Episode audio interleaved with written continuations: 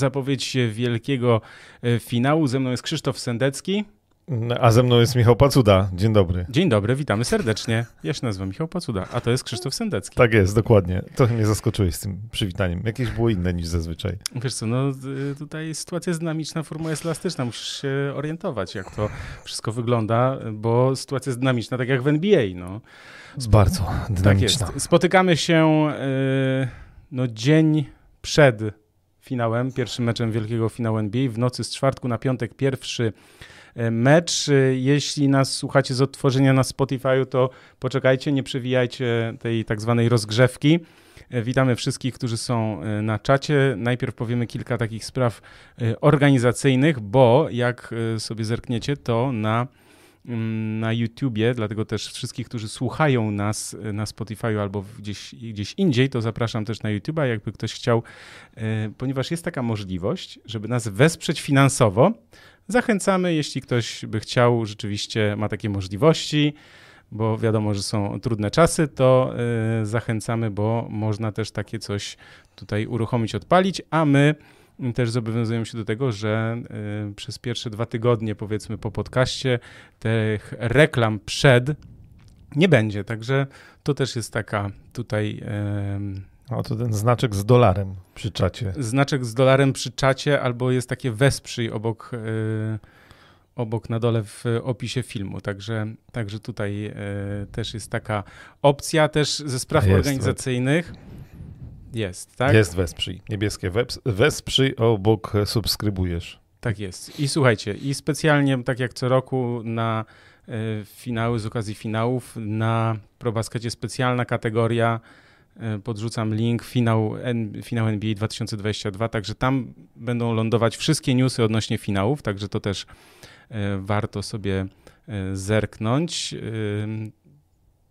Też z innych kolejnych informacyjnych spraw to, bo też często dostaję takie pytania, kiedy kolejna promocja, kiedy kolejna promocja, bo dużo osób gdzieś tak y, ufa nam, że jak my już rzucamy promocję, to znaczy, że jest dobra. I rzeczywiście tak jest, bo robimy bardzo mocną selekcję, że jeśli jest jakaś dobra promocja, czyli tak jak teraz jest na przykład promocja Nike, która dzisiaj wystartowała i też rzucam na czat, można sobie przejrzeć, to jest oferta no takich tam często są pojedyncze sztuki, ale można wyłapać naprawdę dobre E, dobre oferty, trwa tylko 3 dni, może będzie przedłużona do 4 dni, także e, zachęcam do sprawdzenia, przejrzenia, bo, mm, bo jest co. Mówię o promocji Nike, także, także jest, jest co.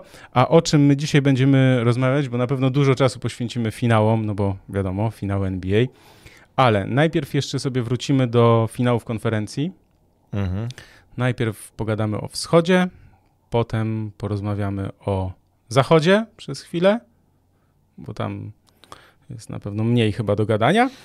No a potem będzie wielki finał NBA i zobaczymy na co nam e, starczy czasu. E, zachęcam też do tutaj na czacie. My postaramy się postaramy się wyłapywać te najciekawsze czy opinie, czy pytania, czy wasze wnioski. Natomiast jeśli ktoś y, ma takie specjalne pytanie i uważa, albo jakąś taką opinię, którą na przykład chciałby, żebyśmy zacytowali, to zachęcam też, żeby jednak wysłać maila, bo, mm, bo wtedy mam jasność, y, bo coś może nam umknąć, tak? Bo jak my tak sobie gadamy, gadamy, no to nie zawsze jest możliwość, żeby ten czat przeglądać, a im więcej jest osób, y, to to tym, y, tym no jest trudniej czasem może nam coś umknąć. Y, widzę, że mamy już y, pierwszego, ja nawet nie wiem jak to nazwać, subskrybenta, czy to jest e, wspieratora? O, może wspierator? Wspierator, tak. Grzegorz nas wsparł, co już widzimy. Dziękujemy, bo jeszcze raz przypominamy, od dzisiaj można nas wspierać. E, u nas nie ma reklam e, w trakcie, ale można sobie kliknąć i nas wesprzeć Natomiast są lokowane, lokowane produkty, są... ale tylko takie, słuchajcie, tak jak słuchajcie, te książki. Chłamu wam e, nie, nie wciskamy. wciskamy. Tak to jest. na pewno, więc to spokojnie. Być, być pewni, że odrzucamy wiele ofert po to, żeby tutaj no było jednak elitarnie. Jak już się spotykamy, to, to już, żeby było... Nie, nagle Jordanów 11 nie zastąpią jakieś buty Sofixy. Fi, firm X albo tak, Sofix, albo obojętne jakie, jakieś tam. E, nie, nie spokojnie. No dobra, to co? Ale o łapkach w górę A, też no, pamiętajcie oczywiście. i komentarzach oczywiście też, było ich sporo pod ostatnim filmem, zresztą zawsze jest pod, na YouTubie, e, sporo tych komentarzy się pojawia przez kolejne dni e, od podcastu na żywo, więc e, czytamy, odpisujemy, Michał bardziej, ja mniej, ale Czasem się wdaje w dyskusje niepotrzebne, ale no... ale dobra, staramy się, więc też liczymy na to, że e, cały czas będziecie do nas pisać, łapki w górę, mm, te subskrypcje, wszystko, wszystko. No i wspieranie nas od dzisiaj też może być. Grzegorz napisał, że to jest donator, No da, czyli, do, czyli jednak donaty. do, donator albo dominator może. Może. No nic, jesteśmy w tym nowi i też, yy, wiecie, mamy po 40 lat już yy, na karku, więc jakby odnajdujemy się cały czas w świecie internetu, mimo że ProBasket istnieje 21 lat. To taka jest ciekawostka jakby. mm, No, ktoś- wtedy byłeś trochę młodszy, jak zakładałeś ProBasket. Ja też zresztą. Tak. Młodszy byłem. Byliśmy. Yy, mam pokazać fajną, fajną bluzę do kamery. To taka... yy, No świąteczna, co prawda, ale fajna. to jest świąteczna? No świąteczna. Przecież tam Ho, ho, ho, gwiazdki. Merry Christmas. Michael Jordan mówi wszystkim Merry Christmas. Ale Michael Jordan jest ponadczasowy, więc ten, Oczywiście. bardzo fajna bluza. No, Oczywiście, dziękuję bardzo. Dobra, to co? Ym, to powiedziałem, bo czekaj, przeglądam sobie jeszcze takie notateczki. O tym też będę mówił, bo ym, jest możliwość, dzisiaj y, Mike Kicks, y, którego serdecznie pozdrawiamy, wrzucił taką informację, bo on stoi za tym, a ja go tak dzielnie wspierałem, y, w tym, że jest możliwość oglądania NBA w restauracji, barze sportowym Nines, którego no nie wiem, twarzą jest Robert Lewandowski. To w Warszawie, w Starych Browarach i taką dzisiaj wrzucił informację, wcześniej mi też informował, walczył o to i udało się, że drugi i czwarty mecz y, będzie możliwość oglądania w nocy y, na żywo. Także ja najchętniej bym was odesłał, znaczy wrzucimy informację jeszcze o tym na ProBaskecie, pewnie będzie w restauracji Nines też na ich stronie taka, in, taka informacja. Jeden jest jakby, no nazwijmy to haczyk, bo nie wiem jak to nazwać, w sensie jest y, jedna rzecz ważna, że mm, taki bilet wstępu, który można potem wydać przy barze całą tą kwotę, no ale to jest jednak 100 zł, y, które trzeba, taki to się kupuje kupon i, i wtedy można go wydać przy barze, y, natomiast no jest y, takie no, wpisowe, tak, więc no bo restauracja też nie da się ukryć, pamiętajmy, no, też musi zarabiać, więc jakby, ale to jest takiej sali, gdzie jest taki wielki ekran, wielki, wielki, wielki. Ja tam oglądałem mecz Dallas Phoenix, tak, Dallas Phoenix. I no naprawdę bardzo fajnie się ogląda, takie trybuny są, więc można siedzieć. Jest taka trochę inna atmosfera niż w barze sportowym, czyli takie, że każdy siedzi oddzielnie przy swoich stolikach, tylko jakby wszyscy siedzą razem em, i na takich trybunach. Wiadomo, że część pewnie będzie kibicować jednym, część drugim, ale to nie ma znaczenia, bo najważniejsze, żeby brać NBA się zebrała w jednym miejscu i mogła sobie spędzić czas. To jest w nocy na żywo, więc to dla tak zwanych e, hardcore userów. Tak. Hardcore E, mamy Dawida z kolejnym donatem, niech tak będzie, wsparciem, więc dziękujemy i miejmy nadzieję, że nie będziemy wszystkich chyba wymieniać, e, jeśli, e, ale tych pierwszych wymieniamy, więc e, cały czas oczywiście na to liczymy. Co do tutaj Wojciech Kamiński e, swoją drogą e, zapytał o obronę w playoffach. Dojdziemy do tego i o obronie też pogadamy i ona oczywiście ma znaczenie. To tak na teraz szybka odpowiedź, bo już przechodzimy do meritum, bo już też się e, co niektórzy domagali. Natomiast bluza e, Michała, tak jak tutaj też napisał Manu e, z Nike'a, e, tak, w sklepie... w oficjalnym sklepie Nike. A, I tak sobie pomyślałem, nie wiem, czy ty takie inby młodzieżowe śledzisz w internetach, to u nas y, Nike to jest Nike albo Nike, y, Mhm. natomiast jesteśmy starzy i Dorotę Masłowską kojarzysz, bo z nią była imba, że jeden tam e, nazwijmy to raper, youtuber powiedział, że Mhm. jest y, mm, kiedyś dostała nagrodę Nike. E, więc e, Dostała nagrodę Nika oczywiście. tak, no oczywiście my wiemy, bo jesteśmy mm, Okej. To taki suchar. Yy... Tak, tak, tak. No, a niekoniecznie młodzież wie. No ale dobrze. U nas y, bluza z Nike'a. Z oficjalnego sklepu Nike'a i oczywiście jakbyście przechodzili do sklepu Nike'a, to najpierw kliknijcie, wejdźcie na ProBasket, a potem kliknijcie w banerek Nike'a. Dokładnie. I wtedy też wspieracie nas tutaj w naszym e, rozwoju, bo też nie da się ukryć, że mm, chcemy, żeby ten nasz, e, nasz podcast no, docierał do naj, jak największej e, grupy osób. Także, także to tak. Do meritum, nie? Tak. To zacznijmy od drzewka. Poprosimy o drzewko. I najpierw e, sobie przegadamy, bo no wiemy, że w finale jest 0-0, ale to, co jest ważniejsze, że w finale zachodu Golden State Warriors to jest tak zwany mm, gentleman's sweep, że sweep to jest, czyli zmieść od y, zamiatania, to 4-0, natomiast gentleman, czyli takie uprzej, nie wiem, uprzejme zmiecenie mm. z, z planszy, doszło w finale zachodu do takiego, czyli 4-1, natomiast na wschodzie 4-3, ale Zacznijmy od y, Golden State Warriors, Dallas Mavericks, bo, ja o tym, jeszcze... o, bo, o tym, będzie krócej. O tym będzie krócej. E, Benjamin pisze, prowadzący niby 40 lat na karku, a Young Multi go znają, to dopiero zaskoczenie. To a ten, co? No, Young, Young, Multi to ten, co powiedział, że Dorota Masłowska... E, no tak, ale Krzysiek jest... ma syna, który ma prawie 20 lat, więc... 17, jakby... no już nie przesadzajmy, 17. Ja... E, I córkę 14-letnią, więc ten, więc... No dobrze, ja mam więc... córkę 8-letnią, więc jeszcze nie jestem na tym etapie, jest... Yy Czekaj, taką gra, grę w grę gra teraz, yy, ale oczywiście zapomniałem, jak się nazywa. No nieważne. Yy, Dobra. Yy, czekaj, bo coś jeszcze chciałem odnośnie tego? Nie. Golden już... State Warriors, Dallas Mavericks. Tak. 4-1, tak jak powiedziałeś. Uprzejmie mm, Golden State Warriors nie zrobiło 4-0. I właściwie, bo to już mało kto pamięta, dawno to było, szybko sobie Golden State Warriors poradziło.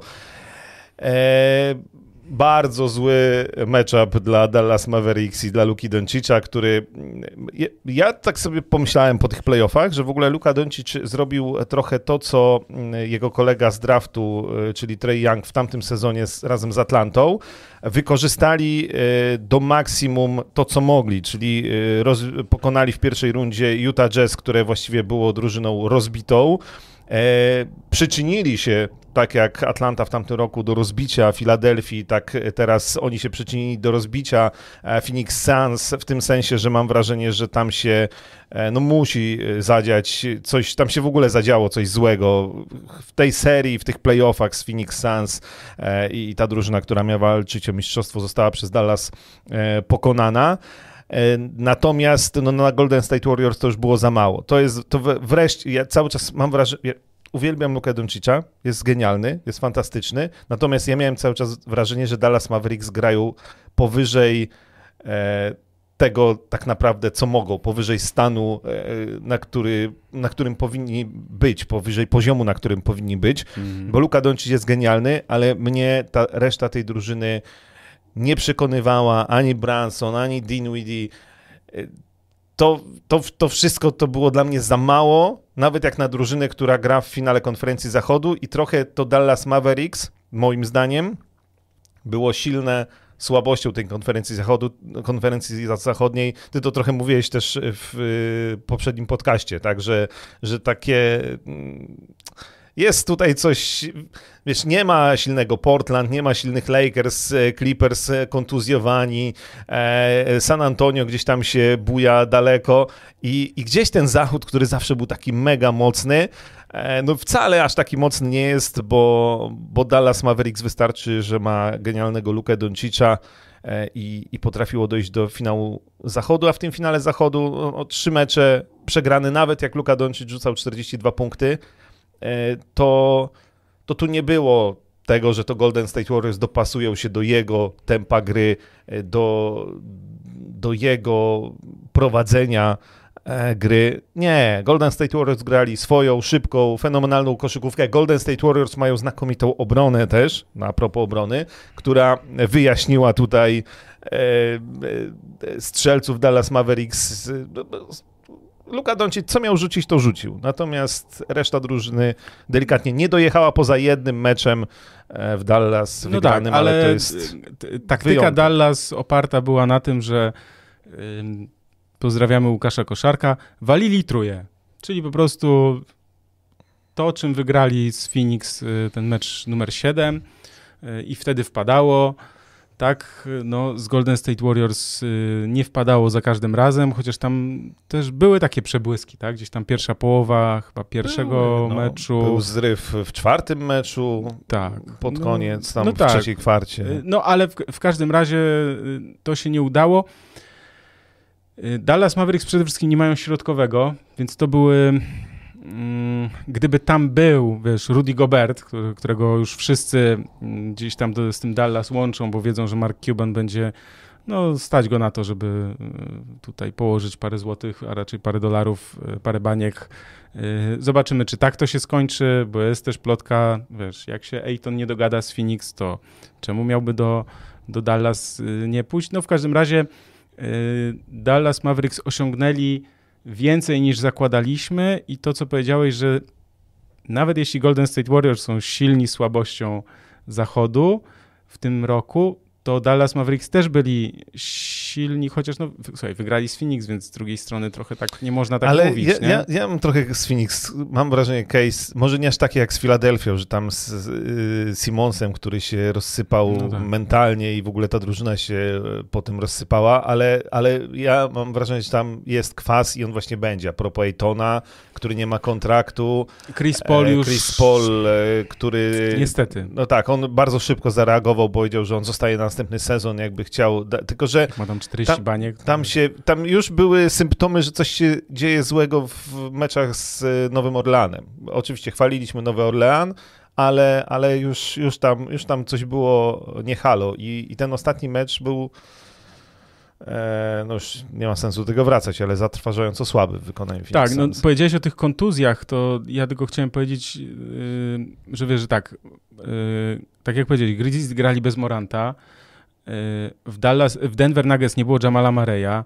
Los Angeles Clippers bez Leonarda i bez yy, Pola, Pola George'a no, przez większość sezonu, no, ale tak, dobra, no. oni nawet nie, nie weszli do playoffów, więc jakby, że dużo tych kontuzji, tak? Dużo za dużo. Za rok, za rok będzie dużo, dużo trudniej na pewno. będą mocni. Ha, żarcik dobra, taki, dobra, no. taki żarcik sytuacyjny. E, ale na pewno Pelicans będą dużo mocniejsi.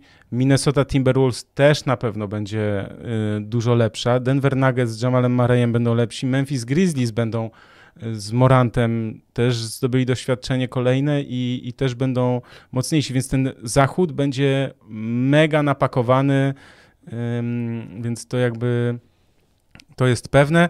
Ja sobie tak myślałem, czy, czy Dallas Mavericks są w stanie wygrać mistrzostwo w najbliższych latach i uważam, że nie, jeśli nie pozyskają drugiej gwiazdy. Bo, Dal, bo Dallas jest autentycznie, no, drużyna, jest Luka Doncic i są tak zwani zadaniowcy, bardzo dobrzy, w sensie i poprawni, i, i trzymający też, znaczy mający przebłyski i, i też taki, tacy, na których można polegać, nawet nie wiem, czy Powell, czy Kliber, no to jest jakby wiadomo, natomiast y, musi być druga gwiazda, musi być środkowy, który będzie bronił strefy podkoszowej, bo Luka Doncic, no tytanem w obronie nie jest. Natomiast mnie jeszcze jedna rzecz zastanawia, bo on ma najlepszą chyba skuteczność, średnią punktów w pierwszych kwartach, natomiast potem potem ta skuteczność spada, że ta liczba punktów spada. I czy ona nie wynika trochę też z tego, że mm, no jemu zdrowie na to nie pozwala, to znaczy kondycja mu na to nie pozwala, tak? To znaczy, że on znaczy, nie jest... Ale też e, granie cały czas, e, no on tak, jest długo na parkiecie, to samo to i poza tym on cały czas jest na piłce, to znaczy on cały czas gra. E, to jest taka gra, gdzie wszystko dzieje się na niego, pod niego i... No to jest i, mega i... męczące, tylko, tylko wiesz, tylko tylko to trzeba, to wtedy trzeba lepiej zarządzać, to trener Jason Kidd musi wtedy po prostu lepiej zarządzać e, tym czasem Doncicia na boisku na przykład, tak?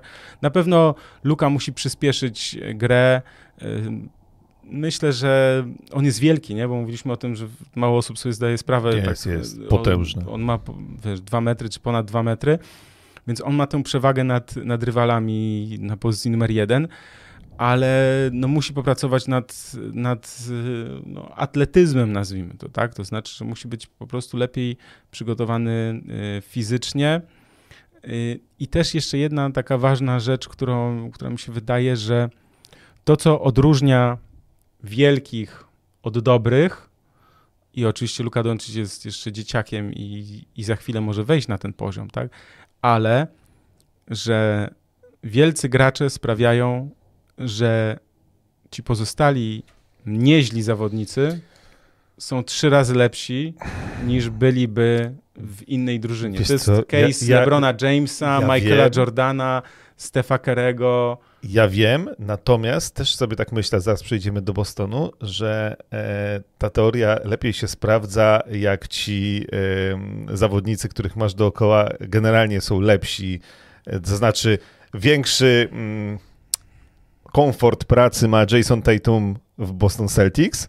No, tam jest też krótko, bo tam jest 6-7 zawodników. No dobra, nie? ale jakich, nie? No dobrze, ale to, ale to już mamy dobrych takich naprawdę nie I dobrych wiesz, zawodników. Smart jest tak, najlepszym obrońcą, no to, Jalen no to Brown, też, wiesz, super gwiazda. Jakby Luka Doncic, ja, znaczy ja nie mm, nie zgadzam się z teorią, że on wysysa energię z zawodników. Ja uważam, że jak on by miał lepszą drużynę niż ma w tej chwili, bo ja uważam, że po prostu poza Luką Donciciem Dallas Mavericks jest słabe. I nie, nie mówisz mi, że Bransonem i Dinwiddiem można walczyć o mistrzostwo e, i nawet Kliberem i nie wiem, kim tam jeszcze chcesz. Nie. To są goście, którzy w drużynie Luka i Doncicza to mm, bliżej ławki rezerwowych niż yy, pierwszej Jasne, piątki, to, no. to jest też ten case Bransona, który wystrzelił w tych playoffach, ale czy to jest zawodnik, którego warto inwestować ogromne nie, pieniądze? No nie, no trzeba za Kalawina ściągnąć, tak? No, no, Na no. przykład. I jakby miał Luka Doncic lepszych zawodników wokół siebie niż ma w tej chwili, to też można by z nich wyciągnąć trochę więcej, więc ja e, generalnie jestem zdania, że Luka Doncic mm, no co, no to nie jest zbyt objawiona prawda. No jest wielkim koszykarzem i e, brakuje mu, cały czas brakuje mu drużyny i tyle. No i, i czekamy, co zrobi, e, co zrobi szef Dallas Mavericks. Natomiast wspominałeś o Rudim Gobercie. Rudy Gobert, taka ciekawostka, był, teraz ma objazdówkę po Europie. Był w Paryżu na finale Ligi Mistrzów Piłkarskiej. E, swoją drogą Real Madryt wygrał, który, z którym bardzo mocno też jest związany Luka Doncic, bo przecież tam występował. Natomiast był też e, Rudy Gobert, bo akurat komentowałem na meczu półfinału Ligi Niemieckiej, bo odwiedził swojego kolegę który gra w Telekom Basketball, Niemca, z którym kiedyś grał w Cholet we Francji.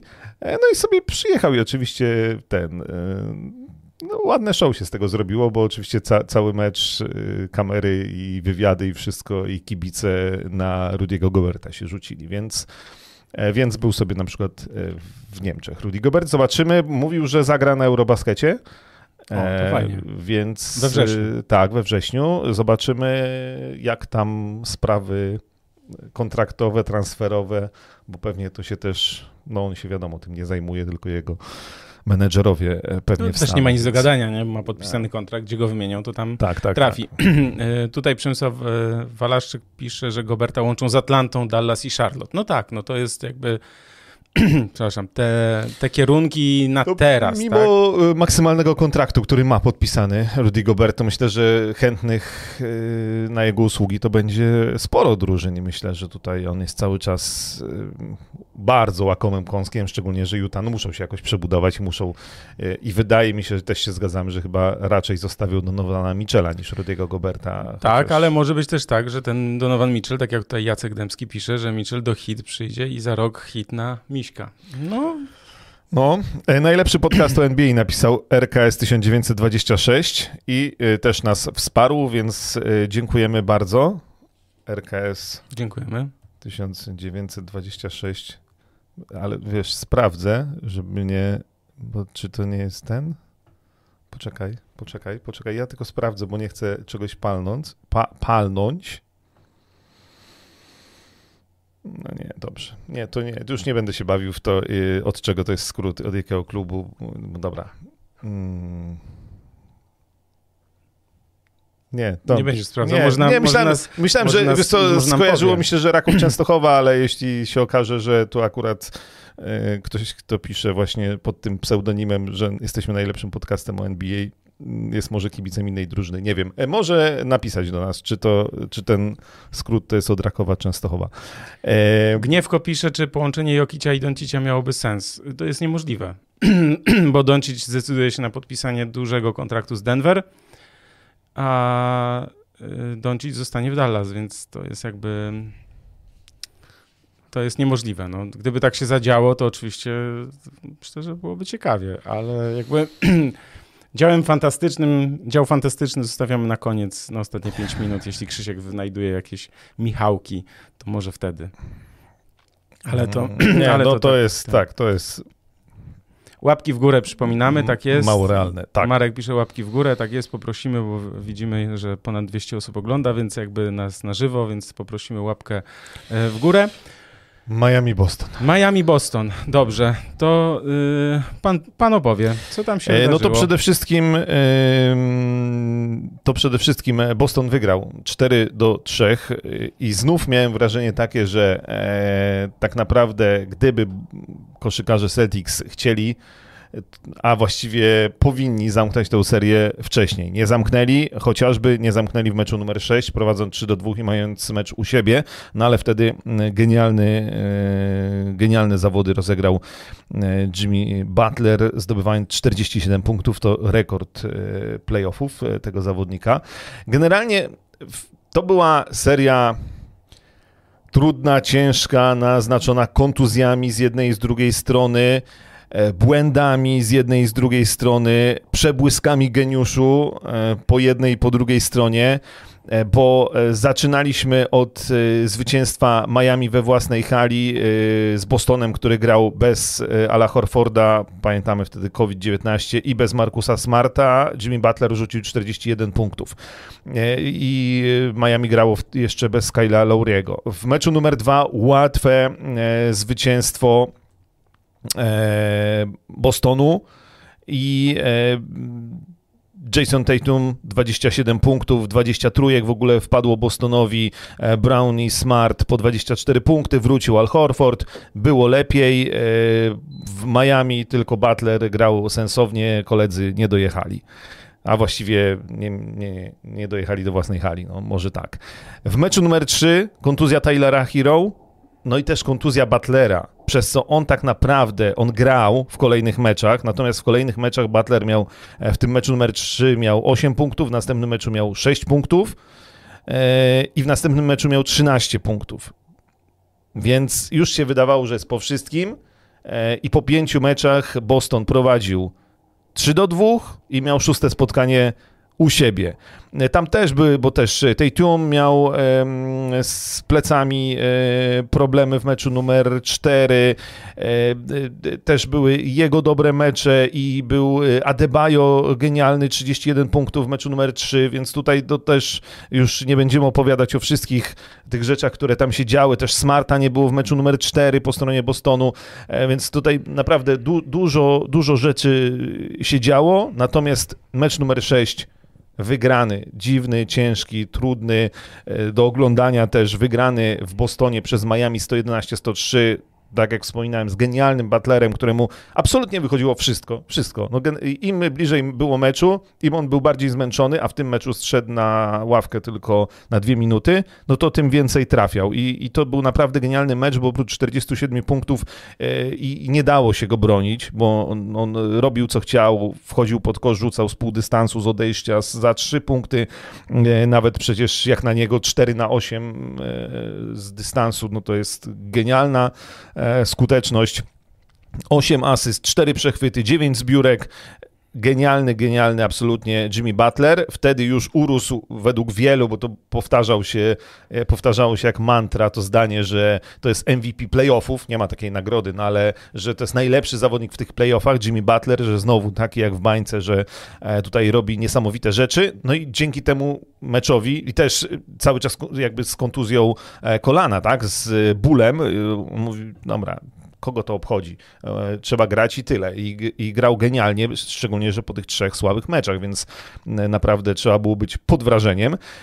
Dzięki temu Miami miało mecz numer 7 u siebie, no i w tym meczu numer 7 to Boston wygrał 100 do 96 i zaraz przejdziemy do ostatniego rzutu, bo Boston wygrał. To jeszcze, to poczekaj, to poczekaj, poczekaj. To do, ostatni rzut yy, sobie zostawmy na chwilę, mhm. bo ja mhm. też chciałem wtrącić kilka takich ważnych kwestii, bo mówiliśmy o meczu numer 6. Tam yy, był remis 99-99 i Hit wygrali 12 do 4. Celtics mieli 11, 1 na 6 z gry 0 na 5 w tych ostatnich trzech minutach. I potem w meczu numer 7 oni prowadzili 98-85. I to było 3.30 do końca i oni przegrali ten, te ostatnie minuty 11 do 2, mhm. co niedobrze wróży teoretycznie przed finałami.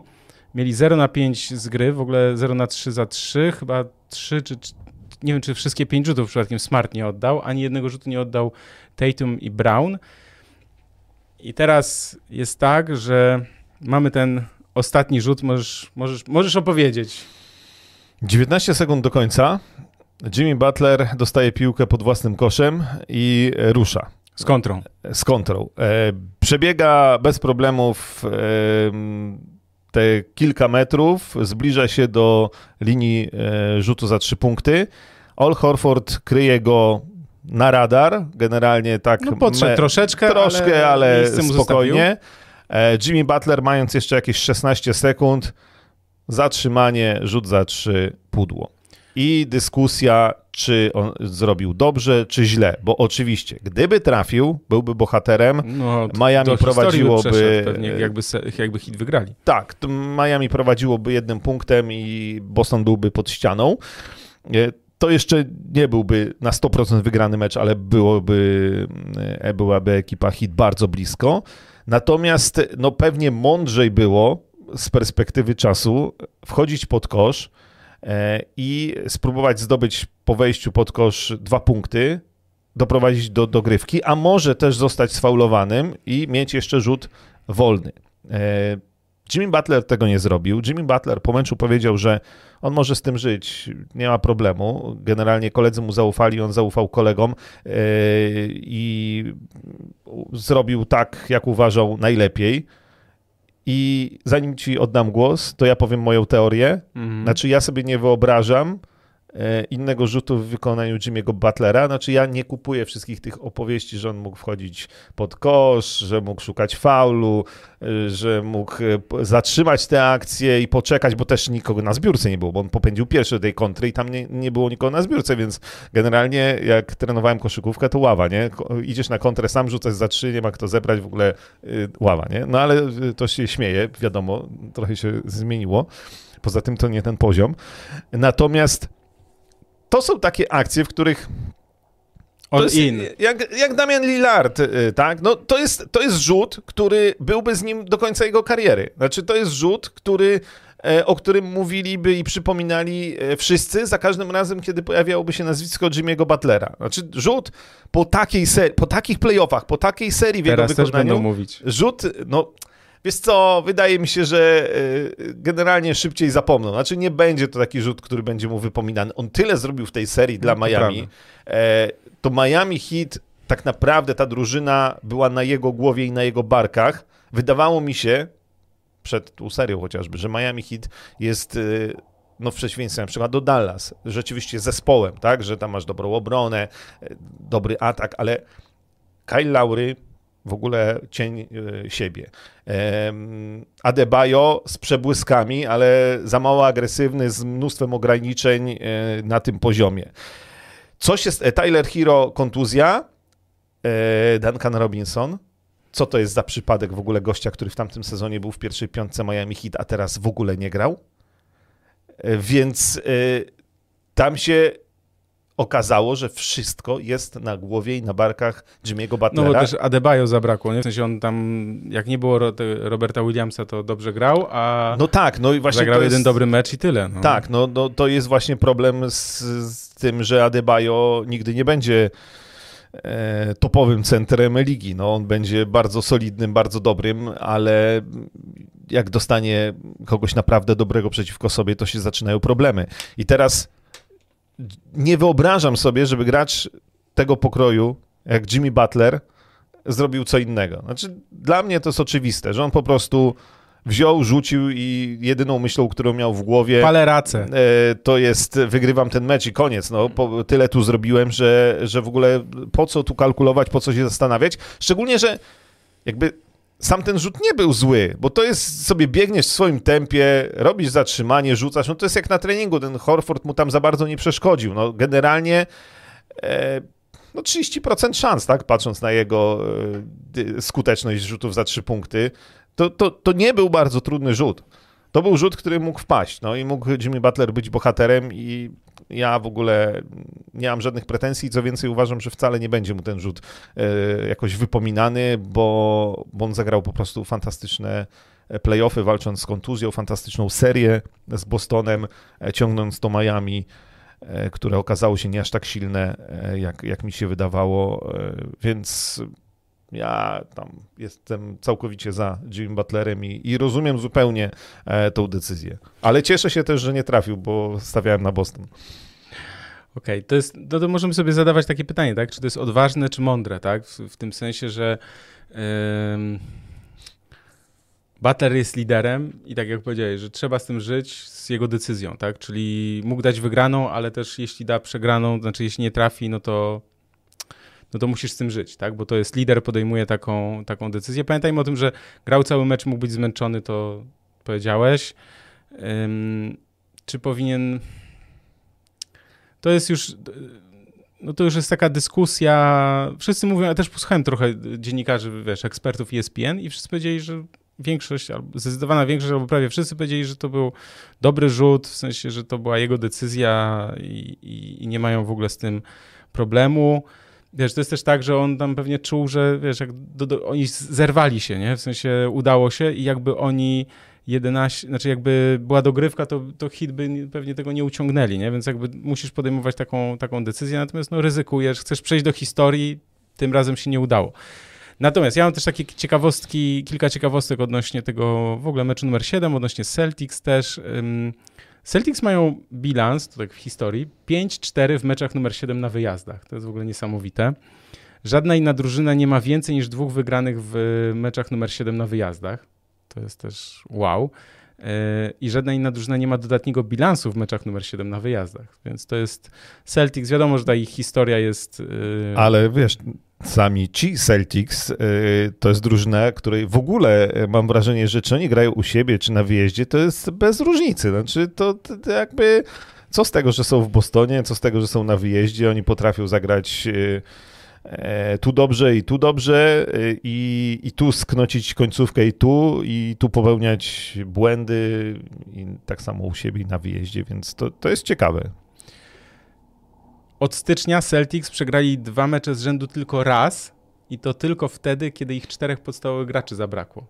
Więc to jest też włącznie z playoffami. Oni mhm. ani razu w tych playoffach nie przegrali dwóch meczów z rzędu.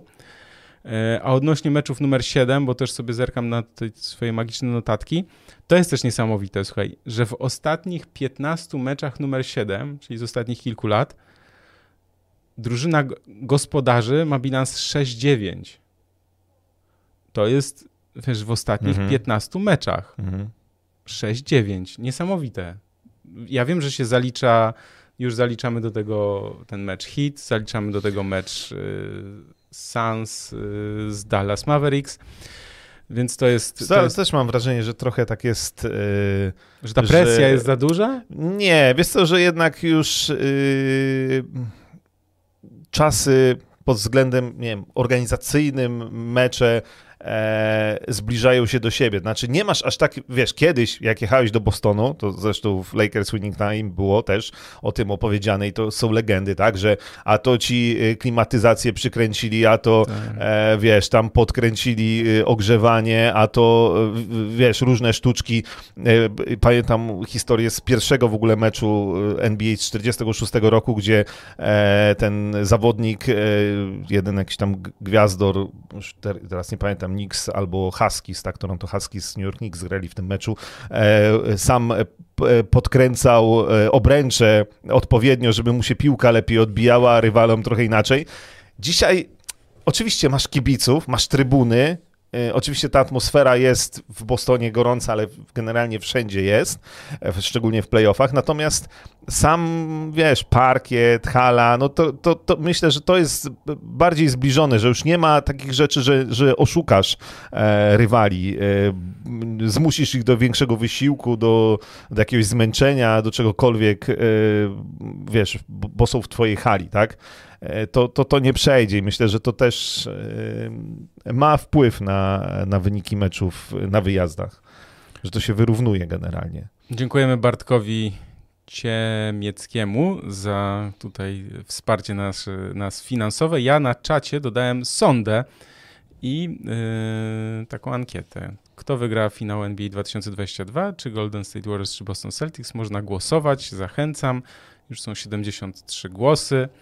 Także nie będę mówił kto, bo może jeszcze ktoś, kto nie kliknął, to pewnie nie widzi wyniku, więc y, zostawiam wam tę przyjemność e, do tego, żebyście po prostu wybrali, czy Golden State, czy Boston e, Celtics. Mi to się podoba, wiesz, jeszcze jedna rzecz, y, jeśli chodzi o Celtics, że to jest czas rewanżów, te playoffy. Bo zobacz, w 2021 roku zostali wyeliminowani przez y, Brooklyn Nets, w tym roku wygrali. W 2019 w drugiej rundzie zostali wyeliminowani przez Milwaukee Bucks i w tym roku w drugiej rundzie ich pokonali. W 2020 roku w finale konferencji przegrali z Miami Heat i teraz w finale konferencji przepraszam, wygrali właśnie z Miami Heat. Także to też jest taka ciekawostka, że no no Boston? tak, znaczy mi się w ogóle, to znowu pewnie zaraz o, o obronie Bostonu i o Bostonie przy, przy okazji meczu finałowego będziemy mówili, ale trzeba tu powiedzieć, że mm, ja jeszcze raz chciałem wrócić do, dobra, kontuzjowanego Hero, ale także do Duncana Robinsona i do tego, że, bo tutaj też się to pojawiło u nas na czacie, że Miami nie wpadały trójki. To nie, to nie, to nie jest tak, że one po prostu nie wpadały, e, to jest to jest taka obrona, z którą zaraz przejdziemy do tego, że trzeba to powtórzyć z Golden State Warriors, jeśli chcą Boston Celtics wygrać mistrzostwo, że tam jest ci strzelcy, którzy uciekają na pozycję, yy, są tak świetnie kryci. Tam wszystkie, wszystkie zasłony są przejmowane. Znaczy tam nie ma takiego momentu, że wychodzisz sobie na... Cały czas, no. że, przy, że y, zostajesz y, na czystej pozycji. Nie ma. Zawsze masz obrońcę E, przy sobie jakiegoś i to e, działa genialnie, więc e, to, no i, no i też jak masz takich graczy jak Robinson, też jest ciekawe a propos kontraktu, taki hero i to widać, że Spelstra no z Robinsona generalnie zrezygnował już chyba całkowicie, bo masz dwóch gości, którzy mają ci rzucać za trzy punkty, a są świetnie bronieni, natomiast w obronie sami są wiatraczkami, chorągiewkami, chorągiewkami tak. E, więc o jednego co najmniej za dużo na parkiecie. E, także to, to też jest niesamowite pod tym względem oglądać Boston, jak, jak on zniszczył te rzuty za trzy punkty Miami Heat. Tak? No, Jimmy Butler mimo wszystko mógł tą serię wygrać, natomiast, natomiast no mówię, ja tak oceniając potencjał grę jednych, drugich, E, to, to znowu miałem wrażenie, że Boston po prostu do tego meczu numer 7 powinien nie doprowadzić, no, nie dopuścić, bo, bo był lepszy. Słuszna lepszą uwaga. drużyną. Ale to też wnioski na, na finał do wyciągnięcia, bo tych błędów, strat, błędów w końcówkach, mm, właśnie takiego braku, nie wiem, doświadczenia, braku e, zimnej krwi, e, roztrwanianie przewagi, to, to są rzeczy, które, nad którymi Boston na pewno musi. A nie miałeś takiego wrażenia w tej serii z, z, Bostonu z Miami? To, to, to mnie uderzyło i aż poprosiłem Marcina, który prowadzi profil Crazy Stats. Polecam, bo e, pozdrawiam Marcina bardzo serdecznie i dziękuję mu za każdym razem za pomoc, bo często o różnych dziwnych porach piszę do niego z różnymi e, pytaniami. Bo ja miałem takie wrażenie, że w meczu numer 6, jak, bo, jak Miami wyszło mocno w pierwszej kwarcie, to ja mówię, nie, Boston tego nie wygra. Włączam mecz numer 7, patrzę, wiesz, ten body language, czyli ta pewność siebie, takie narzucenie swojego stylu gry, tempa. Yy, widać taką odwagę, pewność siebie w graczach Bostonu. I ja mówię, panie, Boston to wygra, nie? Oczywiście to jest takie spłycenie, bo wiadomo, że to jest tylko takie trochę gadanie, natomiast poprosiłem Marcina, żeby, żeby, spróbował znaleźć taką, taką statystykę. Słuchaj, za ostatnie 30 sezonów zespół, który prowadził po pierwszej kwarcie, wygrywał 62% meczów. W playoffach 63%. To też jest taka ciekawostka, że a w ogóle gdzieś zacząłem googlać, y, to znalazłem jakiś artykuł gości z, chyba z Harvardu, którzy przeanalizowali wiesz, tysiące tych meczów, boxscorów, także tam w ogóle y, to się nadaje ogólnie na, na oddzielny, na oddzielny artykuł. Na pracę naukową. No. Nie, bo to, je, to ja myślę, że to jest, to praca, praca naukowa. To jest praca naukowa w sensie takim, że to um, czekaj, teraz gdzieś tam wracam do tego. no wiesz, no to jest oni tam przeanalizowali w ogóle jakiś, no, jakąś niesamowitą liczbę meczów. Chyba, nie wiem, czy, no tyle, ile, tyle, ile dali radę. No i więc jakby też yy, yy, sezon zasadniczy, właśnie wiesz, i, i playoffy, i kto po pierwszej kwarcie, i tam jest pierwsza kwarta, druga kwarta, trzecia, czwarta i tak dalej, nie? Że jakby wow, w sensie takim, że, że to jest to jako ciekawostka, tak? Można sobie, można sobie to to, to przejrzeć, też poszukać, że jednak ta, znaczy ta pierwsza kwarta w ogóle, bo to nie chodzi nawet o to, że prowadzisz po pierwszej kwarcie, tak? Tylko, że jeśli Dobrze wejdziesz. Dobrze wejdziesz w mecz od razu od początku, to masz większe szanse na wygranie tego meczu. Oczywiście są drużyny, które w ogóle nic sobie z tego nie robią, bo Golden State Warriors sobie z tego... No i mówiliśmy, są takie drużyny jak Dallas, że Luka Doncic y, na początku zawsze gra dobrze, no, a później tak, jednak tak, dochodzi tak. zmęczenie i brak wsparcia i często im bliżej końca, tym jest gorzej. Natomiast to jest, y, to jest ciekawe. No i... Mm, tak, obserwowanie tego też, jak zachowują się zawodnicy. Za, za, po tych twoich przemowach i spostrzeżeniach też zacząłem to robić. Oczywiście no, jest jeszcze, wiesz, takie rzeczy, które od razu się narzucają, bo sami koszykarze je narzucają, jak cała ta historia e, z Jasonem Tatumem w meczu numer 7 i odwołaniem do Kobiego Bryanta, to, że mu tam napisał wiadomość, tak, że grał w jego butach, tej opasce mm, żałobnej, czarnej i na ramieniu frotce z numerem 24. No wiemy, wiemy, że on jest wielkim fanem e, Kobiego Bryanta, wiemy, że też z nim trenował. E, I, I, pamiętam też, jak e, kiedy z nim trenował, to pojawiały się takie głosy, że dobra, no, wtedy jeszcze młodziak gdzieś tam, nie wiem, był pierwszy czy drugi sezon w NBA, że po co uczyć się od Kobiego rzutów z pół dystansu, jak to teraz koszykówka się trochę zmienia i tam trójki mm, trenuj, nie? Ale... No ale wiesz, a potem wyszedł jakaś ostatnia sekundy kwarty też, Koziołek odszedł na rzut z pół dystansu, trafił tak, ważne tak, punkty. Tak, to w ogóle... W ogóle... Jeszcze, bo będziemy o tym mówić, natomiast ja to chciałem przytoczyć przy tej serii z Miami, bo Derek White, który jest, jak się spojrzy na jego statystyki, no tak sobie mówisz, tak, no tak, czasem tam trójkę trafi, ale tak czasem też nie trafi, mhm. coś tam, te i tak dalej. Natomiast jest też taki profil StatMuse, to też y, polecam. Y, I oni wyliczyli, że 188 y, posiadań White krył Laurego, Strusa, Oladipo albo Robinsona i słuchaj teraz. Ci gracze w tych 188 mhm. posiadaniach y, zdobyli 9 punktów, trafili 3 z 28 rzutów z gry, 11%. W tym, bo wiadomo, że trójki zaliczamy do rzutów z gry, 1 na 14 za 3, 7%. 7 strat, 6 bloków, 0 fauli przy rzutach. Słuchaj, to jest jak chcesz powiedzieć, jak masz drużynę i zro, jaki zrobić transfer, to to jest transfer idealny. Znaczy pamiętajmy, że ten gość doszedł do tej drużyny, tak, w... W trakcie sezonu. No, zimą, tak, w tym mhm. zimowym oknie transferowym. No bo już powoli przechodząc do finału, w pierwszym meczu z Golden State Warriors w sezonie zasadniczym, e, popatrzyłem sobie i, i na składy, jakie tam wtedy grały, Romeo Langford, Josh Richardson, Enes Kanter, nie było jeszcze White'a. On został sprowadzony, tak samo jak Al Horford, po coś. Znaczy, oni wiedzieli po co. White to jest totalny e, zabójca przede wszystkim właśnie strzelców. Gość, który, no jak, wiesz, jak Gary Payton kiedyś, za swojego synu też będziemy mówić, e, jak się przylepi, to, to, się, to, to się od ciebie nie odczepi, nie? To jest, to jest obrońca fenomenalny.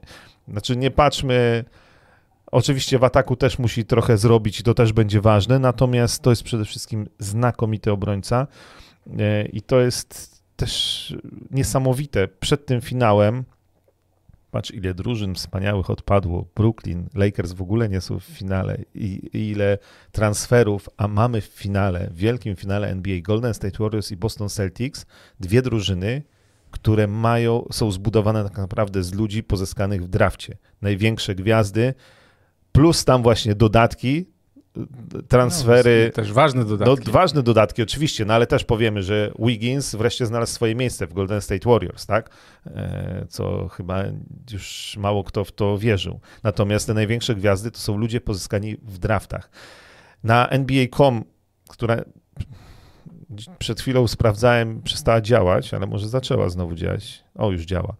E, czyli na stronie oficjalnej NBA. Jest dzisiaj w ogóle e, fajna, fajny timeline Bostonu od 2008 roku, od tego mistrzostwa z Polem Pierce'em, Rayem Allenem, Rażonem Rondo, e, Kevinem Garnettem w składzie, co później działo się w Bostonie. Bo to pamiętamy, to są kolejne sezony większych lub mniejszych porażek. Mhm. Nigdy nie było finału, Natomiast finały konferencji były i za każdym razem wydawało się, że to już jest ta drużyna, która może powalczyć o mistrzostwo. E, e, Gordon Hayward, e, tam przecież jeszcze pamiętamy Isaiah Thomas, później Kyrie Irving, Kemba Walker.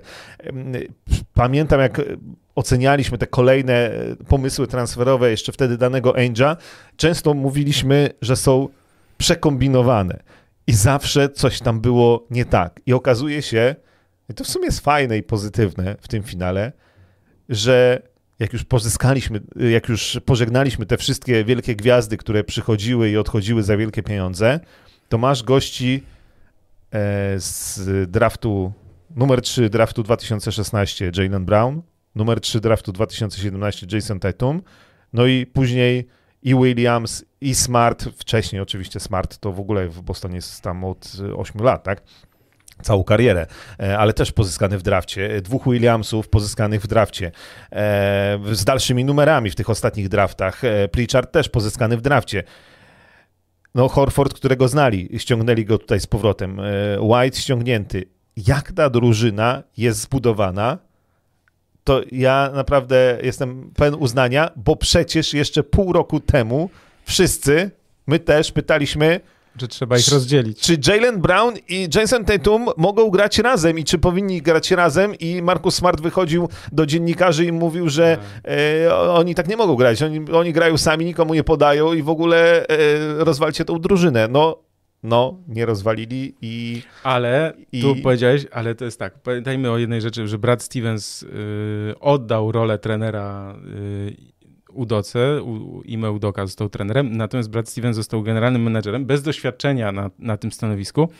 Natomiast jeśli ktoś słuchał nas przez te ostatnie nawet chyba dwa lata uważnie, to wie, że ja yy, no, nie byłem fanem Denisa Schrudera. I, A to ja też, no. No tak, ja wiem, że ty też, ale ja to tam jeszcze mocniej, w sensie, bo znam też jakieś historie i tak dalej, no dużo by gadać. Natomiast zobacz, że oni e, pozbyli się Schrudera i Kantera, czyli Freedoma i ściągnęli White'a i też Tice, tak? W sensie, bo on też... W, e, tak, bo on wrócił. Wrócił no? też, tak? Więc jakby, zobacz, że te dwa transfery i pozbycie się Schrudera, który naprawdę tam kwas w tej szatni. Słuchajcie, jeśli jest ktoś, kto jakby sam może zepsuć atmosferę w szatni, to jest, wyobraźcie sobie, że jest po prostu, nie wiem, dziesięcioosobowa impreza i jest jeden gość, który psuje tę imprezę, tak? W sensie takim, że gada, coś zaczepia, głupie docinki i tak dalej, to tak samo Schroeder w zespole NBA funkcjonuje na zasadzie takiej, że, że trudno w sensie się trudno być e, w zespole takim, w którym on jest, bo to jest zawsze jakieś takie niezado niezadowolenie, nieusatysfakcjonowanie, no i też gadanie na boisku, przeświadczenie swojej wielkości. wielkości. No bo przecież on 80 milionów od Lakers nie będzie brał, bo to przecież co on tam ma brać, nie? W sensie, że powinien dostać 100 albo 150. No i życie go zweryfikowało i dostał piątkę chyba, tak? I, i myślę, że będzie ciężko mu znaleźć w ogóle pracę w NBA. Y, przypominamy o ankiecie, bo już 128 mm, głosów, na czacie jest ankieta. Y, podamy myślę, że wyniki na koniec, tak. bo, bo co tak y, teraz w szkołach będą uczyć o tym, jak zbudować drużynę, to Boston Celtics z sezonu 2021-22. E, jeszcze w tamtym roku, a chyba jeszcze w styczniu tego roku byli przecież poza ósemką. E, tak, tak, tak. tak. ja, ja jeszcze, ma, jeszcze mam te wszystkie wyliczenia przygotowane, także jeszcze, jeszcze, więc, jeszcze chwila. Więc, no ale to jest zawsze tak, że są takie drużyny, E, w których udaje się połączyć, wydawać by się mogło niepołączalnych zawodników, jak no, Portland chyba jest takim dobrym przykładem z ostatnich lat, e, czyli McCollum i Lillard, natomiast oni nigdy nie zagrali w finale NBA. Natomiast tutaj e, w tym momencie to, co na początku, jeszcze w tym sezonie, było przeszkodą, to granie indywidualne, niepodawanie do siebie i dwie, dwóch kandydatów wtedy na gwiazdy, czyli Tatum i Brown, w tej chwili to jest największy e, atut tej drużyny. Znaczy, oni oczywiście mm, uwielbiają ze sobą grać i to mówią wprost. Oczywiście e, ta gra Bostonu jest e, też w ataku fenomenalna, świetnie zbudowana, bo, bo to nie tylko system defensywny, który jest idealny i najlepszy w NBA, ale też jak oni są Miami Heat próbowało ich y, czasami y, obu y, podwójnie kryć. W znaczeniu tracisz czterech zawodników na, na, ich, na dwóch zawodników, tak? No tylko, że oni e, no ale Generalnie masz oba, no, kto, ma to kto uzupełnić, tak? To znaczy ma tak, kto no, wtedy właśnie... na czystej pozycji Smart o... walitruje, Horford może za, rzucić za trzy, albo Robert Williams, który gdzieś tam też utykał, w ogóle nie wiem, czy zauważyłeś. W ogóle nie ma tego tematu, ja szukałem trochę na ten temat. Nie. On w meczu numer 7, stary, on tam, ta noga, prawa, to on nie, tak... No nie, znaczy nie ma tematu, ale wiesz, on grał tam 14 minut czy 16, no on ma problemy, jakby on musi wyleczyć się, bo bez niego będzie problem.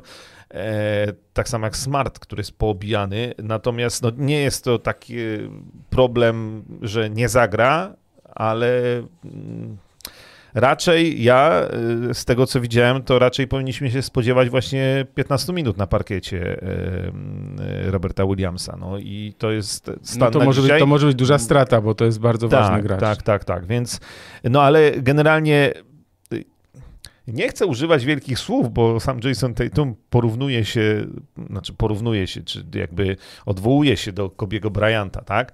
E, to jeszcze nie, natomiast... E, na... Było w takim filmie, jeszcze, pani nie...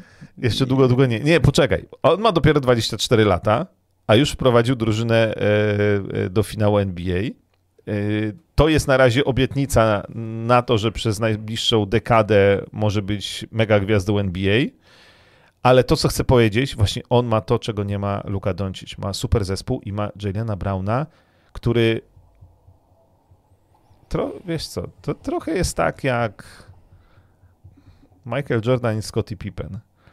Nie mówię o wielkości samych graczy, natomiast o tym podziale obowiązków, że jednak cały czas, znaczy Jalen Brown też przyjął to, że e, to Jason Tatum jest największą gwiazdą Boston Celtics, ale są mecze, i to jak było chociażby z Miami, i będą takie mecze, w których to Brown będzie rzucał e, po 30 punktów, a Tatum też miał takie mecze, będzie rzucał 13 albo 10 e, i będzie po prostu grał słabiej.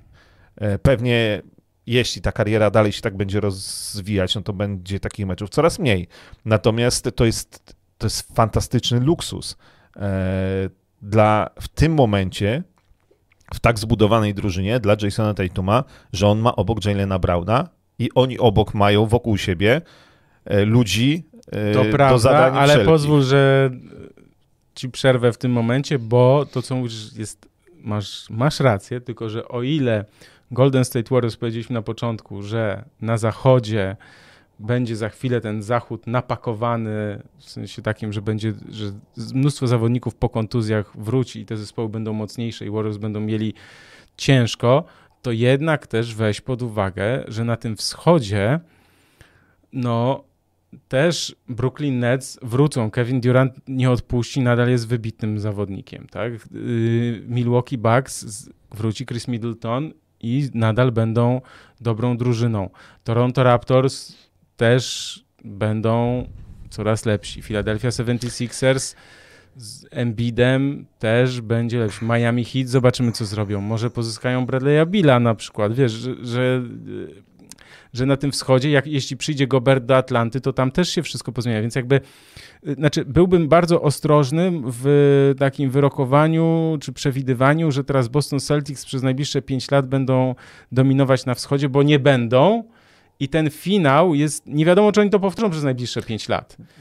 Tak. I to jest dlatego też, to jest dla nich wielka szansa, ten finał, żeby w tym roku po prostu zdobyć mistrzostwo, bo być może ta szansa przez najbliższe 5 lat się nie powtórzy. E, wiesz co, ja się, tak, zgadzam się. To znaczy ja też powiedziałem, że to jest na razie obietnica, bo tu tak naprawdę oni mają gotowy system defensywny, E, pewnie All Horford, e, mimo 36 lat, które skończy e, w piątek, zostanie najprawdopodobniej na, na kolejny sezon, bo, bo, są już takie pogłoski, że ten kontrakt mu za chwilę, jeszcze przed finałami zostanie nowy przedstawiony, a on też miał fajne te klauzule 5 milionów więcej za awans do finału na przykład, to było świetnie wydane 5 milionów przez y, Boston Celtics, tak się okazało. Natomiast y, ta drużyna jest świetnie zbudowana, ale tam dużo zależy od tego, jak wciąż rozwijać się będzie przede wszystkim Jason Tatum jako, jako lider i y, kiedy on e, dosiądzie się do tego wąskiego grona ludzi, o których mówimy w kategoriach MVP sezonu zasadniczego. Czyli o tych supergwiazdach. Ostatnio usłyszałem świetne, świetne określenie. Y, czy, no bo pamiętasz, mi, mi, mówiliśmy raz o tym, kto jest supergwiazdą, tak? Mhm. Czy, czy Jamorant już jest supergwiazdą, czy nie? I tak dalej, i tak dalej. I ja usłyszałem świetne określenie, takie porównanie, że y, liczba supergwiazd w NBA jest ograniczona. I to jest trochę tak, jak wchodzisz do domu, jest stół i przy tym stole siedzi określona liczba osób. I bardzo chcesz usiąść przy tym stole, ale nie ma wolnego miejsca. I musisz kogoś z tego miejsca albo zrzucić, albo jak wstanie i gdzieś pójdzie, to musisz go podsiąść. I, i tak jest teraz z Tatumem. On już szedł do tego domu. Ja bym powiedział, że nawet. Ale jeszcze nie siedzi przy stole. Ale powiedziałbym, że nawet już. E przepchnął się przez y, tych pozostałych, którzy tam stoją i czekają niedaleko stołu i jest no, już bardzo blisko. tak, jest bardzo blisko. Znaczy zdobycie mistrzostwa na pewno e, na pewno dużo da, natomiast y, do, wiedzieliśmy w odwrotną stronę to szło u Janisa. On był najpierw dwa razy MVP sezonu zasadniczego, zdobył tytuł, no i jakby nie mamy wątpliwości, że on przy tym stole siedzi, na przykład Janis, tak? tak, tak, e, tak. Więc, e, więc... LeBron też wciąż siedzi. LeBron też wciąż siedzi przez zasiedzenie tak zwane. Więc... Słuchaj, to już, wiesz... Tak, ale wiesz co, ja też chciałem się z tobą zgodzić e, co do tego, bo ty powiedziałeś, że to, im się, to się może nie, nie powtórzyć. To tak jest. To znaczy, ja generalnie, jak ja bym był na przykład ktoś by mnie zapytał o zdanie w Boston Celtics, nie? To ja powiedziałbym tak, że oni, oni są jak komandos, który idzie na czwartą kolejną misję. I po każdej tej, i te trzy poprzednie były bardzo ciężkie, po każdej są mocno poobijani, a Markus Smart najmocniej, w każdej popełniają błędy, ale ostatecznie wychodzą zwycięsko i oni muszą być cały czas skoncentrowani, to jest banał, który często zawodnicy i trenerzy mówią, na najbliższym meczu. Znaczy, każdy kolejny mecz z Golden State Warriors to jest to, na czym oni się muszą skoncentrować, bo jak zaczną dopuszczać do siebie całą tą otoczkę, a gdzie myśmy nie doszli. Boston mm. od 12 mhm. lat nie był w finale. Jason Tatum, gościu, masz 24 lata, wprowadziłeś yy, wielkich Celtics do finału. E, jesteście już wielcy. Jak oni w to uwierzą, to zaczną być problemy, bo bo, bo mówię, to jest obietnica. I Tatum, i ten Boston Celtics na drużynę, która naj, przez najbliższą dekadę może być w ścisłej czołówce i co roku walczyć o mistrzostwo, ale w sporcie to wiemy jak jest. Może się okazać, że e, Jason Tatum nigdy więcej nie zagra e, w finale NBA e, i, i takie historie też znamy, więc jak jesteś w finale, to musisz zrobić wszystko, żeby go wygrać, bo ta e, druga szansa się nie powtórzy i z, nie wiem, Chrisem Polem e, chociażby... To J.J. taki... Reddick powiedział świetnie, że jak oni grali w, z Orlando, wiesz, w 2009 czy 10? W- z Marcinem Gortatem w finale. No w No, każdym razie. 2009, no. 2009. Tak, i, i on powiedział, że my byliśmy młodą drużyną, nam do głowy wtedy nie przyszło, że my już więcej tam nie zagramy. No.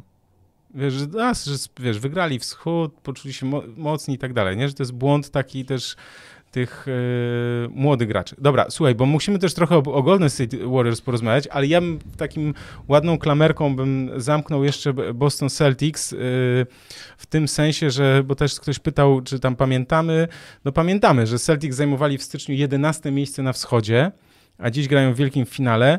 Oni mieli, to w ogóle od 40 lat nie było drużyny, która po połowie sezonu miała ujemny bilans, a potem zagrała w finałach. Czyli 21 dwa- y, czy 20-21 e, mieli, tak? Tak mi się wydaje. 20-21 mieli po tych pierwszej, pierwszej 41 meczach, czyli po połowie sezonu, potem mieli 31-10. Mhm.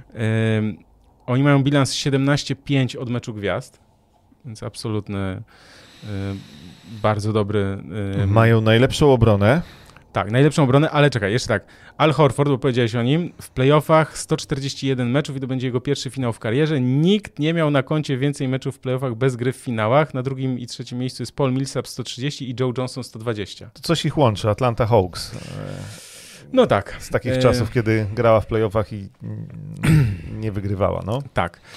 I yy, no tak, i to jest jeszcze taka ciekawostka, bo chcę tak, żeby je powiedzieć, bo to są takie ciekawostki, wrzutki, i potem parę osób mi mówi, że one są bardzo fajne i żebym je zawsze sobie gdzieś próbował e, wtrącić, więc czasem tak trochę na siłę muszę je wepchnąć, ale Celtics mają średnią 12 strat w wygranych meczach i 19 w przegranych w tych playoffach. No to ja straty też, bo to jest coś, co oni muszą poprawić. Jason Tatum, MVP e, tych finałów, e, ta nowa nagroda, tak imienia Larego Berda na wschodzie, e, finałów konferencji wschodniej, natomiast miał 77 strat w 18 meczach playoffów. To jest prawie 4,5 straty na mecz. Jalen Brown 3 straty na mecz, no to to jest za dużo.